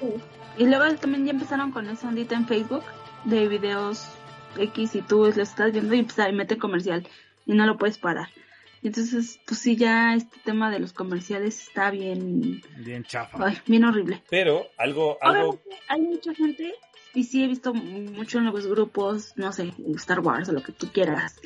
¿Cómo puedo ver este Mandaloriano? Y ya te ponen una liga de una página donde puedas verla. Obviamente, pues podría ser. Pero pues si no hay con su publicidad y tienes que estar ahí dándole al tachecito 20 veces y que no sé, tal muchacha te quiere conocer y no sé qué, pero pues obvio no es esa publicidad. y además solo en 720p, Este- que está chafísima eso. Claro, ¿no? Y aparte con su traducción como es. Entonces, pues sí está chido tener aplicaciones, pero la neta esto de que sí cuesten un barísimo y que ya sean tantas ya está bien complicado. Es que mira, también algo es que no son de a huevo que las tengamos, ¿no? O sea, por ejemplo, nosotros ahorita tenemos el crunchy y lo es lo que te decía hace unos días. Honestamente, dentro de un mes ya no vamos a ver ni madres ahí. O sea, ahorita sí estamos bien clavados viendo Es como Titan. por temporadas. O sea, yo o- por ejemplo, en, en- Ya me vio con cara de ni madres, yo sí quiero mi crunchy pa' en siempre". iTunes, yo ahorita no lo estoy pagando, pero porque me estoy esperando a que salga la siguiente temporada de Ted Lasso. Y, Fíjate que el de Apple sí está bien bueno ahorita, eh, güey. Pero es que no lo estoy viendo tanto. O sea, estoy jugando más, entonces como que pagar servicios es como que... Y, y eso es lo chingón, que no te tienes que ca- casar Aparte ya estoy pagando el de Nintendo. no, no tienes que casarte a, a huevo, por ejemplo, con un contrato de cablevisión, ¿no? Que era de, uh, te tienes que hacer tu contrato a dos años, carnal, si no, no se puede. Aquí lo puedes pagar por mes y si no quieres, lo dejas de pagar. ¿Valeria? Yo siempre he dicho que tener televisión por cable es una pérdida de tiempo porque son tantos canales al mismo tiempo y no sabes si decidirte por ver una cosa y por ver otra y, y te pierdes de tantas cosas, aunque sí también muchas películas las repiten, ¿no? Este, pero siento que es mejor separado. Yo también pierdo muchísimo tiempo buscando qué ver. O sea, ya sea en Netflix, en Star, en Disney, en HBO, en la que sea, siempre tardo así muchísimo tiempo. O sea, yo quisiera de verdad que hubiera una sesión de en vivo del- de la plataforma que quieras, en la que estén pasando algo aleatoriamente y seguramente me quedo viéndolo y después ya me meto a regresarme a ver toda una temporada completa de algo que me llame la atención en ese momento. Creo que Netflix medio lo ha intentado con las propuestas aleatorias que han puesto. Así, este, me, aven- me aventé una serie así de unas chicas que trabajan en un corporativo de una revista de moda en Nueva York, no me acuerdo cómo se llama, pero pero así me puso un capítulo, me entretuvo y luego ya me aventé toda la, toda la serie. Pues creo que sí, sí estaría bueno como que tuvieran esa parte como clásica de la televisión en vivo combinada con el streaming y lo que tienen ahí como de material original. Hay unas, o sea, seguramente ya lo conoce todo el mundo, pero yo cuando las descubrí hace varios años sí fue una maravilla.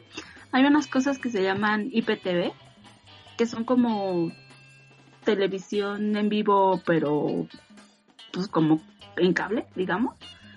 Y, y es como eso, ¿no? O sea, como que sí te pone diferentes opciones y tú decides qué ver y después lo, y lo puedes ver desde el principio, no sé si lo cachas a la mitad y así eh, vienen con unas listas que tú puedes ingresar y decidir qué canales ver y así, ¿no? Y hay otra aplicación, igual no, es, es gratuita, o sea, este se llama Pluto TV. Hay varias, ¿no? Pero esa yo he encontrado que es bastante buena. Igual este pero va lo mismo, estamos pagando 700 pesos al mes de servicios para llegar a ver pinche Pluto TV. Ay, no, obviamente. Entonces, yo digo, si no tienes, si no, es una opción a no tener ninguna de Netflix o Prime o Sí, HBO. eso sí, es si no opción. las tienes, está poca madre, porque tiene un buen de canales y cosas bien chingonas, o sea, no... Y solo es buscarle. Ajá. Sí, sí, sí, tiene... A mí me ha pasado que luego estoy ahí scrolleando o buscando qué ver y paso por Pluto y está Inuyasha y ahí me quedo viéndolo. Simón. ¿Ves? Sí, güey. O el, el canal, los canales de películas de acción y todo ese rollo. Sí, güey, está... Ujú.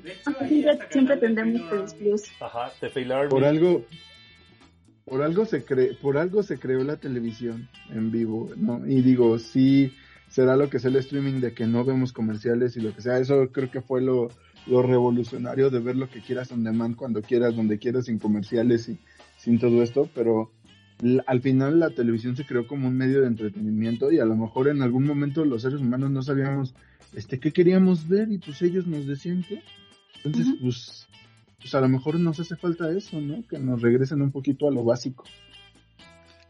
Es muy gracioso que hables ahorita de la televisión porque obviamente todo el mundo se quejaba de la TV y del programa basura que, que es la televisión abierta, ¿no? Pero ahorita si lo ves en Netflix, los número uno son, siguen siendo Betty la Fea, Sí. que pasaba en el 9 y en el 4. no sé. Rebelde. Rebelde. o Café con Aro- aroma de mujer versión colombiana que no lo hagan. No se acerquen a esa. Mi mamá la estaba viendo y es horrible. Quiéranse, quiéranse, no lo hagan. Las novelas turcas en Pues. Las novelas Y eso porque ya quitaron, quitaron el contenido de. Televisa, porque cuando estaba el contenido de Televisa era lo que dominaba Netflix. Pero es que, Sí. pues sí, eh, pues es que va lo mismo, o sea, la gente no sabe qué ver y dice, güey, me gustaba Betty la Fea, a huevo voy a ver Betty la Fea. Es lo que me pasa a mí, o sea, de repente, por eso estoy viendo Breaking Bad de nuevo. Porque dije, ah, ¿qué voy a ver? ¿Qué voy a ver? Tengo, ok, tengo tantas series nuevas para ver, pero, oh, Breaking Bad, papá, y ya por eso estoy viendo Breaking Bad. Pero bueno, este, ¿algo más que quieran decir, muchachos, de Attack on Titan? Atacón. Pues no, está muy chida, sí, sí, véanla. Yo ya me hice una otaku muy decente. Entonces mi, mi, Y te amo. mi visto bueno. Y te amo por Otaku. Atraco on Titan. Está, está súper, Con, ataco, exactamente, ataco. Yo neta, neta, neta, neta, eh, sí les súper recomiendo que la vean. Está, como dije, está gratis en Crunchyroll. O pueden buscarla ahí gratis en donde quieran verla, pero sí denle un chance porque está súper, súper, súper cool. Cada episodio dura media hora, como dice Val, eh, son efectivos 20 minutitos y se las recomiendo Sí. infinitamente. ¿Tú, chava? Se van súper rápido, la verdad. O sea, yo, o sea, lo he visto en el transporte, en el teléfono, así ya estoy buscando como tiempo para poder ver de todo. Y pues la verdad es que está entretenido, tiene su política, tiene su, su traición, entonces Tiene sus muertes y final siendo- desmembramientos. Sigue siendo una novela con gigantes enormes de carne ahí viva que van caminando y comiendo personitas que no tienen, que son completamente indefensas, ¿no? El otro día pensaba así como, no, pues esto es lo que le hacemos nosotros a los, a los animales, ¿no? ¿Verdad que sí? Sí, Es verdad. sí. Entonces es así como de, pues, está, está cagado poner al, al ser humano en esa posición y la verdad es que también está entretenida y, sí te, sí te, como que tiene sus giros, como decía Val hace rato. Y pues sí, vale la pena, dense un rato y véanla. La, la neta creo que les va a gustar mucho. Muy bien, muchachos, ¿a tú, Chuy, quieres decir algo? Véala, está muy buena. De hecho, o sea, si se han subido al mame de ver tantos memes de ataque de, de titanes, es porque está muy buena la serie. A lo mejor las dos primeras temporadas las van a sentir lentas, y lo pongo muy entre comillas, si lo comparas con la tercera y cuarta. Porque se van así súper en chinga las otras y con tanta información que te llega. Y son muy buenas las primeras temporadas. Entonces, yo lo altamente lo recomiendo que la vean ya sea en japonés o en del doblaje Veanla latino, está bastante bien. O sea, No tiene un pedo está el muy doblaje bien. latino. Muchachos, esta que estamos escuchando es Alien vs Rengoku del soundtrack de Kimetsu no Yaiba de ¡Traigan los Kleenex! Estamos en Hora de Cultura Pop, episodio 120. ¡No se vayan! Ya casi acabamos y vamos al tema chingón.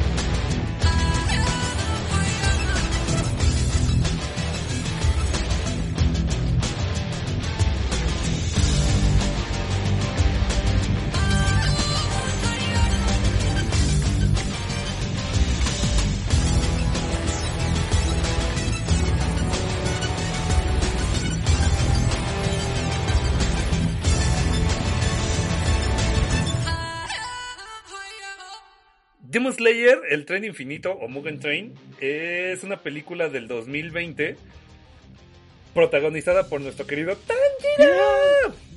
Eh, es una película que continúa exactamente en el momento en el que se acaba la primera temporada de Demon Slayer, de la cual hablamos también hace unos poquitos episodios. Demon Slayer es una, es una caricatura que... La vino a romper. Con todo, exactamente, la rompió durísimo. No me acuerdo si lo conté o no, y ahorita Chava nos pedía que preguntar, que platicáramos de eso. Y es que justamente yo empecé a ver Demon Slayer cuando ya había salido la película de, de Mugen Train. Y es que era el mame por todos lados de, güey, es que en Japón rompió todos los récords y eso que estamos en pandemia y por todos lados rompe récords y yo así de, pues qué chingados, de qué están hablando, ¿no? Y, y cuando vi que tenía que ver la serie dije, ah, qué hueva, cabrón. Y la empecé a ver, recuerdo perfecto, un sábado y fue así de, güey, no puedo dejar de verla. La, justamente ese, ese fin de semana no nos vimos Val y yo, me la, así me la bisguaché enterita, de principio a fin. Que de hecho hay algo interesante de esta película antes de empezar a desarrollarla. Hace mucho no veía que en una caricatura la película sí tuviera impacto en la serie. Exacto. O sea, aquí viene una situación. Eh, la Como serie, La película de Dragon Ball, La Batalla de los Dioses. pero ya tenía rato. O sea, en sí no hay muchas pe- series que la película sí tenga impacto. La de los Eh. Simpson. Te va a madrear, vale. No, no tiene tanta historia. O sea, re- rela- o sea, Relájate, Manuel. Perdón, perdón. ¿A ti te eh, sí que tenga continuidad? ¿no? Pero bueno, perdón, te interrumpí. No, perdón, perdón. O sea, y aquí viene de que la serie venía muy bien.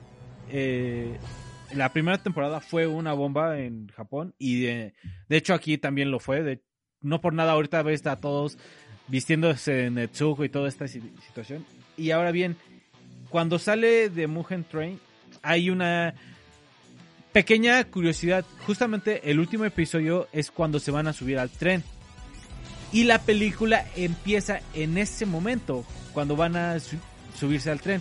Que la relación fue muy de, ah, mira, qué curioso la situación que están llevando. Porque muchas películas de anime, eh, vamos a ser francos, son de, ah, órale, salió una película de Bleach. Güey, nada que ver con la serie. Y aquí eh, el autor, y lo que me ha gustado es que ha desarrollado la historia de una forma que la está respetando, no de, ay, solo te la vendo por vender. No es, a ver, papi, esto tienes que verlo. Si quieres seguir la historia, tienes que verlo. Y más porque, bueno, no sé si fui yo, pero las, la película eh, tiene como que, sí la esencia de la serie, pero la están contando como estilo película. Sí, la O sea- mu- multiplican todo.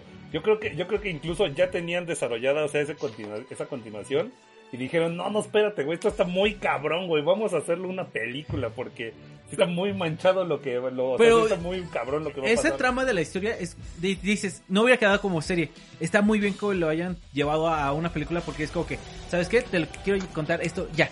Ay, aparte verlo en pantalla grande, los gráficos con todo y de que la primera temporada es una hermosura de, de animación. En esta te ven todavía más cabrones, güey. De hecho, la estaba viendo hace rato de nuevo. Este, no, no mames, o sea, todo el hecho de cómo la- lo- el delineado de los personajes está hecho con estos trazos como no simétricos y parecen como si fueran dibujados con brocha. Está muy hermoso, cabrón. Neta, es una chulada la animación. Muchachos, ¿ustedes quieren platicar algo? Bueno, pues a mí la verdad es que también el hecho de continuar con la historia de Tanjiro después de haberse encontrado con los famosísimos pilares y de que lo criticaran y me lo juzgaran por tener ahí a su hermanita demonio y defenderla a pesar de lo que sea. Este, y que bueno, pues este como patriarca se llama, el que es el que les dice así como de no, pues eh, aguanten la vara, la muchacha ya demostró que sí no quiere ser mala y pues vámonos a la, a la misión que sigue, ¿no? Entonces ya a partir de ahí pues se encuentran con este pilar dentro del tren, se llama Rengoku, que les dice a los tres, tanto a Tanjiro como a sus dos compillas, que pues él va a ser como su máster, ¿no? Entonces, eh, durante su viaje en el tren, resulta que ah, hicieron ahí alguna, alguna, o la misión es, porque en el tren han habido muchos asesin- asesinatos, ¿no? De, de demonios, avistamientos de demonios.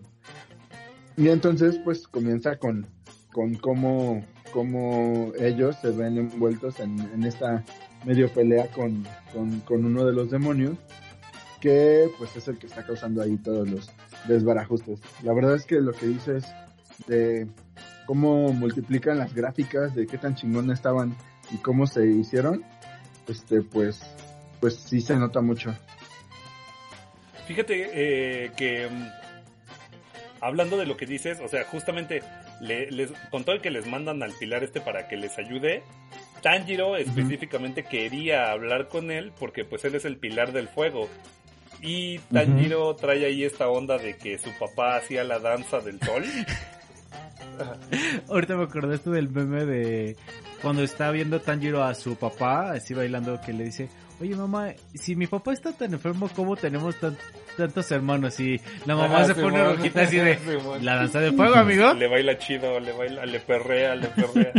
Simón. Entonces, eh, justamente por eso es que Tanjiro quería hablar específicamente con Rengoku, eh, pues para que le explicara. Y de hecho, lo primero que hace es decirle, oye, ¿y pues no sabes qué onda con esta danza de fuego? Ah, no, la neta no sé, güey. Y así de, como que todo Ajá. serio. Y, y este, no, no, no, la verdad no, no te la manejo. Ah, no, pero aparte lo cuenta bien cagado porque el güey, cuando lo ven, ese güey nada más está tragando oventos así a lo estúpido y de, Oshi, Oshi, Está, Oshi, está Oshi". rico, está rico, está rico, está súper cool, sí, sí, sí. Pero ni siquiera los ve, está como que ido eh, ese güey en su plan. O sea, y le está respondiendo mientras están llenos de, oye güey, ¿qué pedo? Ese güey de, ah, sí, sí, no, no la conozco, pero sí, luego te digo. Ajá, es que como, como dice Chuy, le dibujan los ojos así como nunca parpadea. Como idos. Y es que eh, la onda es que él es uno de los pilares más fuertes porque tiene el completo dominio de la, esta respiración que tan importante es en la serie. Y este, por eso está tan cabrón. El güey siempre está concentrado. O sea, con todo el que está hablando, echando desmadre y lo que quieras, pero el güey siempre está concentrado. Que de hecho, ahí. Dale, dale. ahí empiezan a de- decir de las ramificaciones de las respiraciones. Que a- en la serie no te habían contado que hay, como toda historia japonesa, vienen los cuatro elementos principales de agua, fuego, tierra, aire. Y que, por ejemplo, la del fuego es la más fuerte. Entonces ahí te explican de que Rengoku, de hecho, su papá era también pilar. Y te van contando esas, esa historia para decir, ah, mira, este güey, por eso está tan chingón aquí. Continúa. Entonces, eh, pues bueno, eh, Rengoku, eh, lo primero que hacen es que ahí aparece un demonio, pues todo X, y Rengoku se lo revienta ahí con, con su respiración número 4, que es este Rising Sun, el, el sol, sol ascendiente. Y estos güeyes quedan así maravillados de él, ¿no? empiezan a, a- hacen una animación bien bonita de que flotan todos alrededor, así de, oh, señor Rengoku, eso está tan chido. Y ella se veía así de, ja, ja, ja, Ah, soy sí, bien cabrón. Y todavía De, de, de hecho, yo pensaba que él era un demonio, porque por eso de que decían de la mirada, porque este como que sí estaba así como muy raro de que no los volteaba a ver mientras les hablaba y todo eso. Yo pensaba que estaba poseído o algo así. Es que fíjate en todos los pilares y todos, ninguno parpadea, güey. Todos son, todos están igual. Los otros como que no tienen tan perdida la mirada, pero todos los demás pilares igual tienen así como la mirada así súper, súper concentrada, güey. Perdón, ¿tú querías decir Ay, algo? mis piles. Chava, chava, chava. Chava No, no, no, no, no, no, no, justo, justo era eso. Bueno, entonces eh, la onda es que después de que pues, derrotan al demonio, a este, pues ellos creen que ya, con eso, con eso ya, ya no va a pasar nada. Se tranquilizan un poco y llega el, pues el este señor como que checa los boletos de- del tren. Y este, y ahí es en donde vemos, ¿no? Que algo, algo, algo está mal, algo va a pasar. Les checa, les ¿Qué está hace, pasando? les hace el hoyito ese al boleto y se quedan dormidos. Y ahí es en donde vemos al, al demonio que platicaba Chava hace rato, que es una de las lunas crecientes, es la única luna creciente que queda en la temporada pasada. Todos los demás los mató este Michael Jackson. y, y como recordamos, pues mató a todos, nada más deja a este güey, le da un poquito más de su poder y le dice que pues tiene que matarlos sí o sí a los güeyes estos para poder hacerse una luna son lunas ascendentes y luna Menguate, ¿no? Me acuerdo cómo se ¿O creciente? no, Bueno, la siguiente versión de luna. son los, los, los- apenas los intermedios la cosa es que este güey eh, su plan es que se fusiona con el tren con este tren en el que están viajando y su idea pues es comerse comerse a todos ellos su poder es que los puede dormir y ya estando en los sueños como que tiene ahí a unos achichincles que se meten al sueño y quieren destruir su, el núcleo de, de las personas entonces no sé quieren decir algo Eh, Sigue. la cosa es que pues ahí vemos como cada uno entra en su sueño y les hace ahí un sueño muy bonito y eh, todavía viene esta parte como onda ligera de la película en donde es un poquito de comedia por un lado vemos el sueño de este Zeni que, que en su sueño el güey está salvando a esta Nezuko, ¿no? Así que lo ven así como todo el imponente y ese Ajá. güey de- Ah, no, primero están así paseando, están Ajá, Netsuko la- y él. la están paseándose. Luego en el, sue- en, en el sueño del jabalí, Este se mamó. Eso está increíble porque el güey, como el güey siempre tiene un- el ego así super marcado, según para él los otros dos chambean y este... No, los tres, porque también Netsuko... Nezuko trae unas orejas de conejo, porque se les Son jabalí. furros. Son furros Son también. furros. güey. Furros versión japonesa. Zeni, Zeni es un castor y Tanjiro Es como un mapache. como un mapache. Como un sí. hamster. Sí, porque también No, trae su hecho- cola y todo, ¿no? Le dice Hamtiro, ¿no? Hamtiro, exactamente. Y están en una cueva buscando justamente al, al tren, que también se ve así como todo caricaturizado. Ah, porque aquí es lo que me gustó, disculpa. Dale, dale. De que el- empiezan a ver como que esas eh, cosas de la época que te manejan de Kimetsu no Yaiba, de que no es una época de Japón actualita, sino ya algo Como algo olvidada, feudal, ¿no? Ajá. feudal. Y justamente, pues, el tren antes era como que, es el demonio, que no sé qué. Y este Inosuke, en vez de decir, ah, pues es una máquina que trabaja por vapor, es de, wow, esa es una Es un bestia. demonio, Es un demonio. Y como este güey es tan imbécil y solo quiere estar peleando, dice, tengo que enfrentarme, se ve que es bien, bien fuerte. De hecho, justamente cuando están en el tren arriba, Le eh, pega. no, le pega y en una de esas dice, no, me voy a bajar y voy a correr para ver quién corre más rápido. Si este demonio o yo, yo seguro le gano, que no sé Sí, qué le chingada. voy a demostrar. Y el otro güey, no, no te No, no, este es Zenitsu de, quédate acá, pendejo, que no sé qué le chingada. Y el sueño, el sueño de, de este um, eh, Retsuko, no, re, ¿cómo? Se me fue su nombre del, del pilar, eh, Rengoku. Rengoku. Es También que, le- lo busqué como Retsuko el otro día. es que este, está con su, con su papá, está con su hermano y su papá y están acá como todos solemnes y todo bonito, pero vemos como el papá no lo pelaba, güey. De hecho ahí hay, hay algo que te explican un poquito después, este, de la relación que tiene él con su papá. Y ahora ya vemos el sueño de Tanjiro, que está en la montaña de nuevo con todos sus hermanos. Pero que eso está bien bonito porque justamente como que la transición que hacen es de que Tanjiro despierta y dice, ah, ya estoy en la montaña y justamente ven a... Le gritan sus manos de, oye hermano, ¿no estabas en el pueblo? Y ese güey, o sea, traía todavía el aditamento de los... Bueno, la vestimenta de los cazadores de demonios. Y justamente va a abrazarlos y se le quita toda la Ajá. ropa. Exactamente. Y, y empieza a llorar de, güey, disculpen porque no estuve aquí. Y los niños así, que, ¿cómo ¿qué que pedo? no O sea, y justamente empieza hablando. ahí el sueño de él, de como si nunca hubiera pasado nada de la muerte de los, los hermanos en adelante. Sí, está, está bien bonito y a la vez triste todo ese rollo, pues porque vemos eh, como Tanjiro, in- incluso como que en su mismo inconsciente él dice, bueno, ¿y dónde está? ¿Por qué Netsuko está, está en el sol, no? Así, ah, no, pero espérate, ¿por qué dije eso? Ujú. O sea, ¿no? Ajá, y todo, y todo este rollo. Y ya se revela que los, pues como dije, los estos ayudantes del demonio, que no recuerdo cómo se llama ese demonio, siempre se me olvida su nombre, que en, en español la voz es la de Whis de Dragon Ball. Ah, Así, sí. la mismita voz. güey. Sí, es súper, súper amanebradito. Ajá. Y este, y, y la onda es que en el mismo sueño hay como capas, hay como orillas en el sueño y entonces está el sueño que sería la- como la parte etérea, como, el- como el... ¿El núcleo, como vamos a el- decirlo? No, el núcleo es lo de No, afuera. no, o sea, el núcleo del sueño. del sueño, ¿no? ajá. Luego en las orillas está la, la parte, el inconsciente. Y luego ya afuera está el núcleo de la persona, Ajá. que es a donde tienen que llegar los chicos estos, los ayudantes del demonio, destruir el núcleo y con eso se muere la persona. Ah, porque... Que bueno, se conectan amarrándose con un lazo a la mano izquierda, ¿no? Ajá. Que ahí, por ejemplo, ya Eso te sí. empiezan a describir un poco más de la de los sueños, porque estos están trabajando para ellos, porque justamente el antes estaba el de los tickets que se enfrenta al demonio y ya justamente cuando está con el demonio de quiero volver a ver a mi familia y- y, a mi hija muerta, por favor déjame verlo.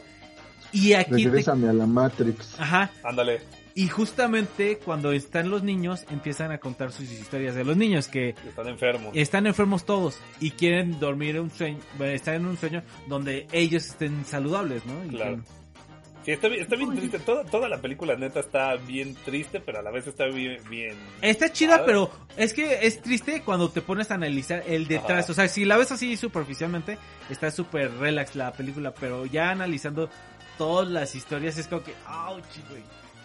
Sí, sí, sí. No, a mí sí lo de Tanjiro sí se me hizo como de una patada así Sí, en, güey. en los huevos del corazón, güey. O sea, sí, está medio manchado así como, como lo vuelven a poner con su familia y todo eso. Y tú desde el principio ves que la perdió toda, o sea. Ya, además, Sí, o sea, sí él mismo se da cuenta, ¿no? Eventualmente se da cuenta que está en un sueño y, y el güey dice, no, es que, o sea, les da la espalda y les dice, perdónenme, hice lo que pude, pero pues ustedes están muertos y ni pedo, ¿no? Y justamente cuando ah, pasa eso, como hasta el hermanito le grita, hermano, no te vayas. Y justamente hasta ese güey te maneja como que el- su sombra de, güey, es que me está Sí, pudriendo sí, esto que me estés diciendo. O sea, sé que eres una alucinación, pero que me lo estés diciendo, aún así me pudre en dolor, güey.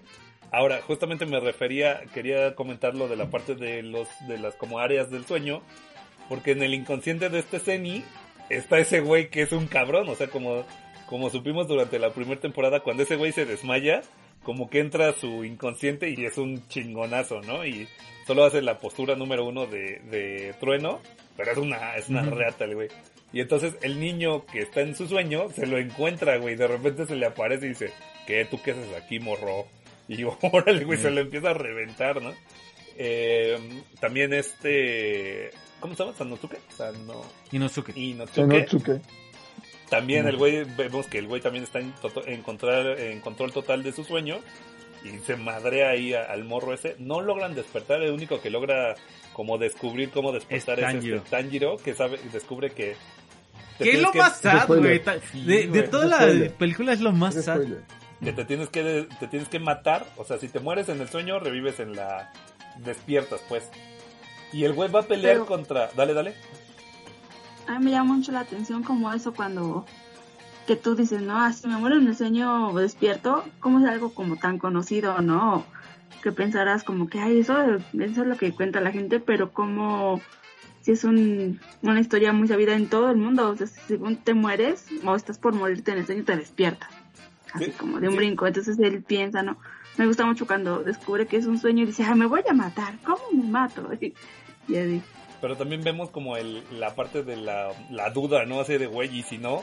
¿Y si sí? ¿Y si no? O sea, como es tan, es tan real Es su que sueño. está una parte en la pelea en donde ya está durmiendo y despertando y reseteándose a cada rato que ya llega un punto en donde se va a matar realmente, ¿no? Ajá. Y es que Ajá. justamente a eso iba, que él, él es el primero que despierta, entonces él es el primero que va a enfrentar al, al demonio este. Y como dije, el ataque del demonio es mandarlos a dormir. Y está, está muy cabrón porque el demonio este le empieza a como a atacar y vemos así como que Tanjiro como que titubea tantito, pero vuelve a seguir peleando y dice este güey, ¿qué pedo? Pues, ¿cómo O sea, es que... ¿Cómo, es se que puede ataque- levantar así en chinga, güey? ¿Cómo es que mi ataque no le está haciendo daño? Y le pega, le pega, le pega. Y de repente el güey agarra el pedo y dice, no mames, este cabrón se está suicidando cada que lo duermo. No, y, y hasta el, ves la cara de Tanjiro hasta que está sudando de estar pasando por su muerte tantas veces. Ajá, exactamente. Está muy, muy cabrón todo esto. Que de hecho aquí quiero to- tocar otro detalle a, a un poco más Dalai, que el niño que se amarra con Tanjiro cuando pasan a sus sueños, e- ese eh, esa escena se me hizo súper padre porque lo manejan de, güey, pues ya estoy ahí en el fondo y todo esto y que su interior de ese güey es así pura iluminación, pura, paz, Pura ternura, ¿no? que hasta el niño dice, güey, es que me siento tranquilo de estar aquí y justamente eh, su, como le decía, su inconsciente, en vez de ser eh, como el, el de los otros, estaban llevando al niño al centro, o sea, de, güey, esto es lo que estás buscando, te ayudamos, no hay pedo, güey. O sea, está- es tan bueno Tanjiro que hasta ayuda a sus enemigos, cabrón. Pues sí, desde el principio lo vimos. Tan ¿no? bueno que hace malo. Está- es más bueno que el pan. Eh, e- eventualmente despiertan los otros y ya se viene la una de las peleas así cabroncísima, ¿no? Porque como dije, el, el güey este, el demonio revela que él es el tren y ya se viene la japonesada total, ¿no? De ahí tentáculos y cuanta madre. El, el tren se vuelve un tren, tren intestino. Y, y El tren del mame. El tren del mame, exactamente. Ahí- viene una, una escena bien padre que es cuando Rengoku despierta y empieza a partirle la madre a todos, ¿no? Y, y, este, bueno, todo el, a todos los esos como tentáculos y le dice a Tanjiro, a ver, cabrón, yo me voy a quedar defendiendo tres vagones, ustedes váyanse a, a otros dos y todos tenemos que encontrar como la parte que es la, la médula del demonio de- en el El tren. cuello, ¿no? Ajá, para derrotarlo. Y ahora sí, van y ¡frum! se va volando súper chido. Y por mientras le va partiendo la madre ya espadazos a, a los. Como estos como tentáculos que se quieren comer a las personas. Y no sé si alguien más quiere comentar. Mira, ya no voy a contar más porque sí, ya, Yo tampoco quiero Ya, contar. eh, es, yo voy a decir que es lo mejor de la película lo que viene después. Pero solo voy a decir, esta película lo que me gustó es que la puedes ver o muy Dalai o como dices, muy clavada y es una película bastante pesada de lo que tiene de mensaje, ¿no? Y que para los fans... A mí me gustó mucho. Vas, Val. Bueno, y que para los fans es una joyita porque es...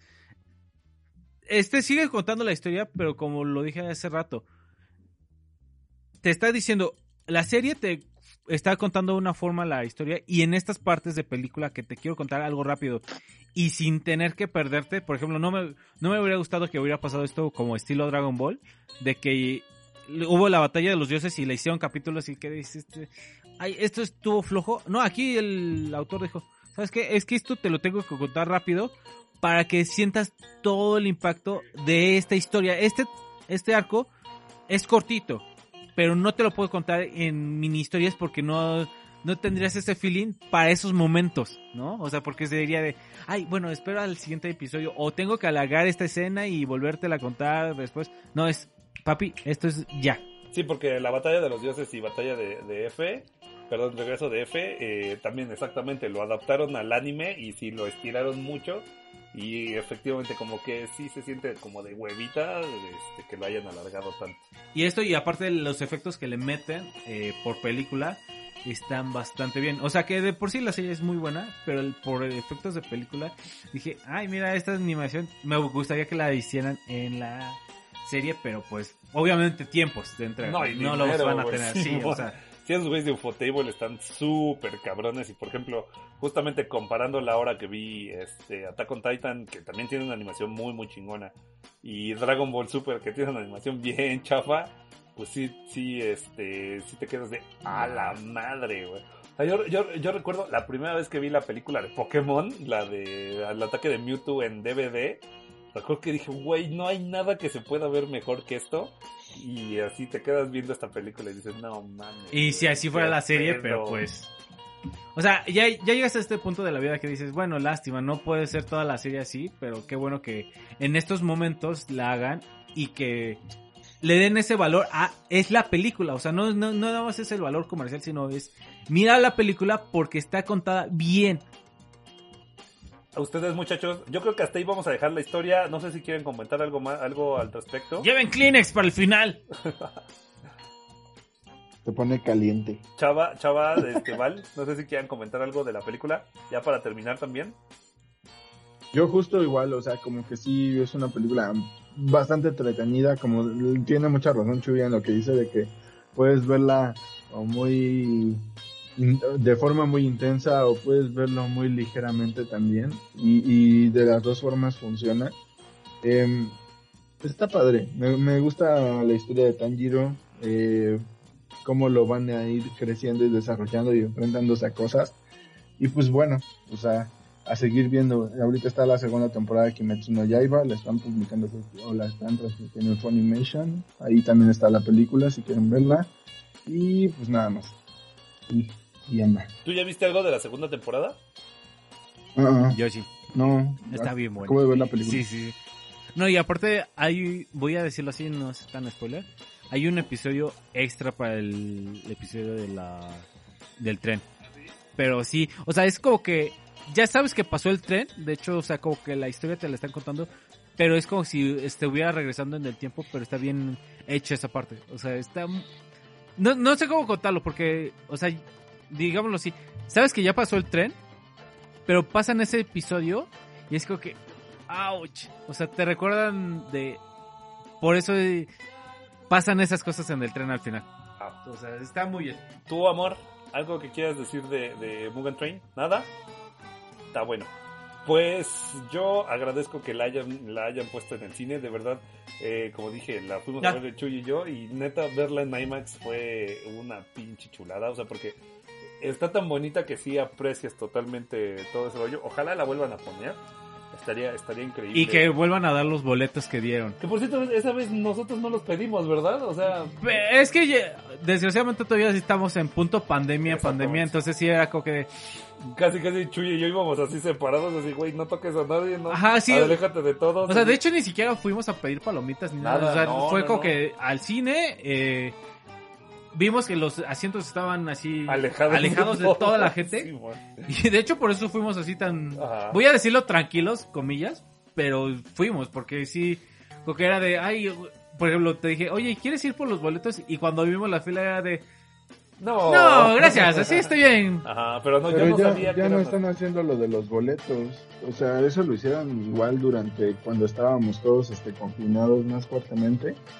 Eh, a mí me tocó todavía uno de Black Widow y, y ya. O sea, pero creo que ahorita ya no, ya no he visto que estén Es que eso. dieron también para, por ejemplo, de Spider-Man, dieron apenas, pero era como que muy limitado su tiraje de boletos. Ajá. Ni idea, yo Para- ni- yo ni También sé para eso. los de Harry Potter, cuando sacaron, Ah. creo que se pusieron las de Harry Potter. El en- Señor de los Anillos el salieron y esos estaban bien bonitos, los del Señor de los Anillos. Nunca me entero de esas madres, cabrón. De hecho, yo me enteré de esos boletos porque Ángel Ángel Benavente me presumió los suyos y yo así de, ¿cómo los conseguiste? Y dice, pues nada más los pedías ahí en el cine. Y yo, ¡ah! Yo fui, yo la vi, porque no tengo mi boleto de Rengoku, porque aparte eran foil y todo. Eran foil, era uno de Rengoku, uno de Tanjiro, uno de este Inosuke y creo que era uno de este Zenitsu. ¿Neta? Creo que Ah, eran los cuatro que vendían. Si estoy equivocado, una disculpa. No, haz este, seppuku. Suicídate si estás equivocado. Muchachos, eso fue todo por este episodio de Hora de Cultura Pop. Por fin, después de tres horas de Cultura Pop, terminamos, muchachos. Bueno, al menos no fue tan largo como el episodio pasado. ¿Qué tal lo pasaron? Perdonen por ese episodio pasado.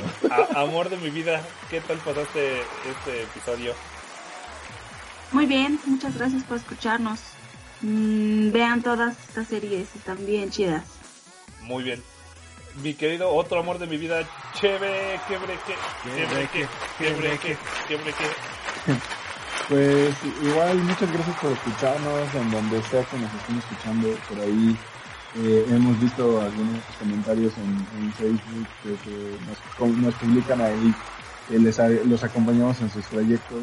Eh, gracias, gracias por llevarnos a sus oídos donde quiera que nos, pon- nos, nos pongan y pues ahí estamos para lo que gusten. Métanse al grupo de Hora de Cultura Pop, sigan a la página, síganos en redes sociales a todos, este, y pues ahí vamos a andar publicando noticias, memes, mames, chistes, lo que quieran, fotos de Chuy, y este, pues todo. Ahí OnlyFans. vamos a andar. Lo que hago por amor. On- OnlyFans. Lonely Flans. Muy bien. Mi querido Chuy González, ¿qué tal te la pasaste? Excelente, con este regreso y estos temas que estuvieron chulada de temas. Neta, eh, es de estos episodios que les digo, vean, jueguen todo lo que recomendamos porque sí estuvo de 10 todos. Aunque del de Nintendo paguen menos. Está de 10, pero paguen menos. Paguen menos. Pero fuera de eso, muy bien. Banda, muchas gracias por empezar este año escuchándonos. Esperemos que se mantenga así y que ya podamos mantener un ritmo constante. Por eso mismo, ahora sí, este año nos estamos comprometiendo a todas las redes sociales. Instagram, Twitter, TikTok, Facebook, YouTube. Ahí a la que puedan, denle like. Va a haber, venir material especial y ya de hecho ya puedo revelar lo que se viene. Bien, eh, como bien saben, eh, YouTube tiene políticas un poco eh, restrictivas, por no decirlo culeras, para lo del copyright. Entonces, vamos a empezar a subir todos los horas de cultura pop, ya, ya que varios no se pueden escuchar de Spotify. En la sección de videojuegos va a venir una sección de gameplay, hora de cultura pop play, viene en Facebook.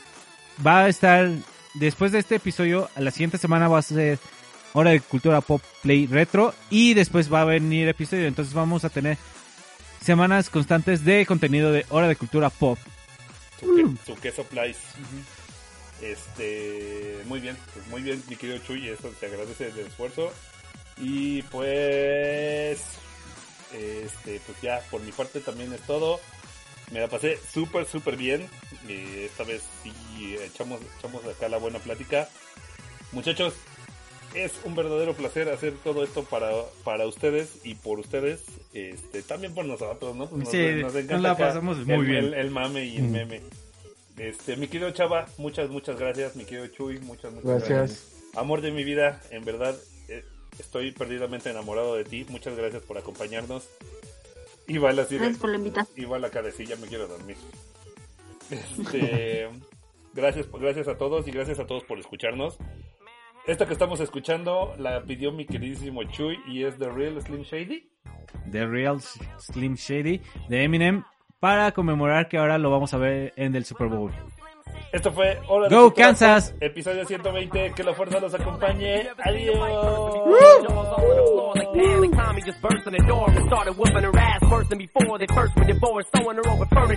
It's the return of the. Oh wait, no wait, you're kidding. He didn't just say what I think he did, did he? And Dr. Dre said. Nothing, you idiots. Dr. Dre's dead. He's locked in my basement.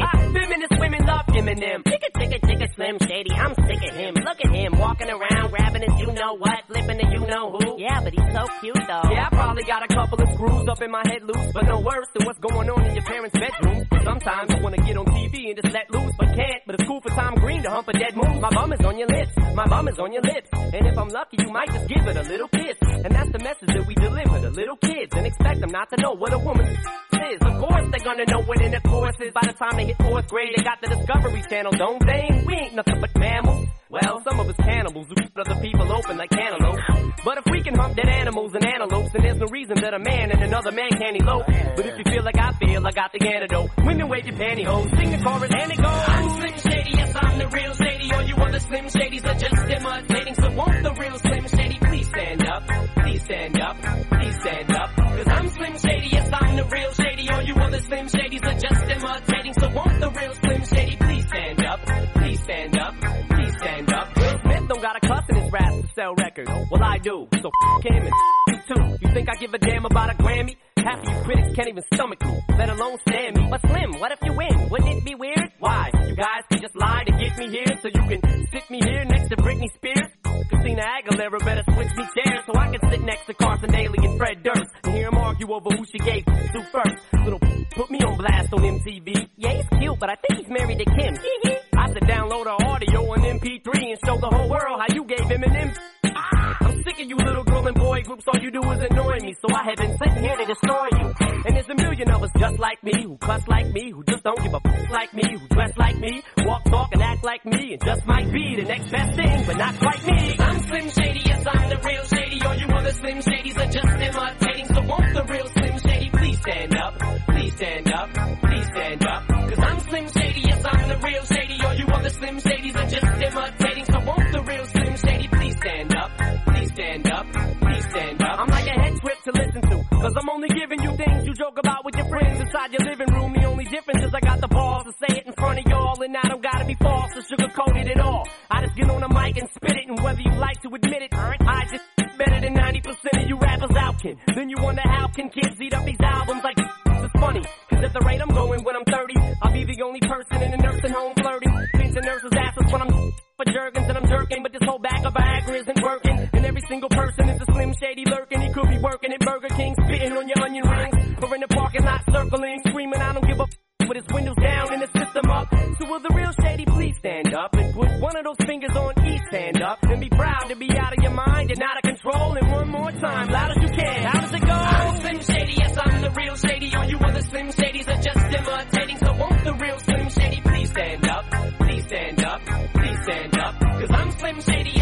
real shady.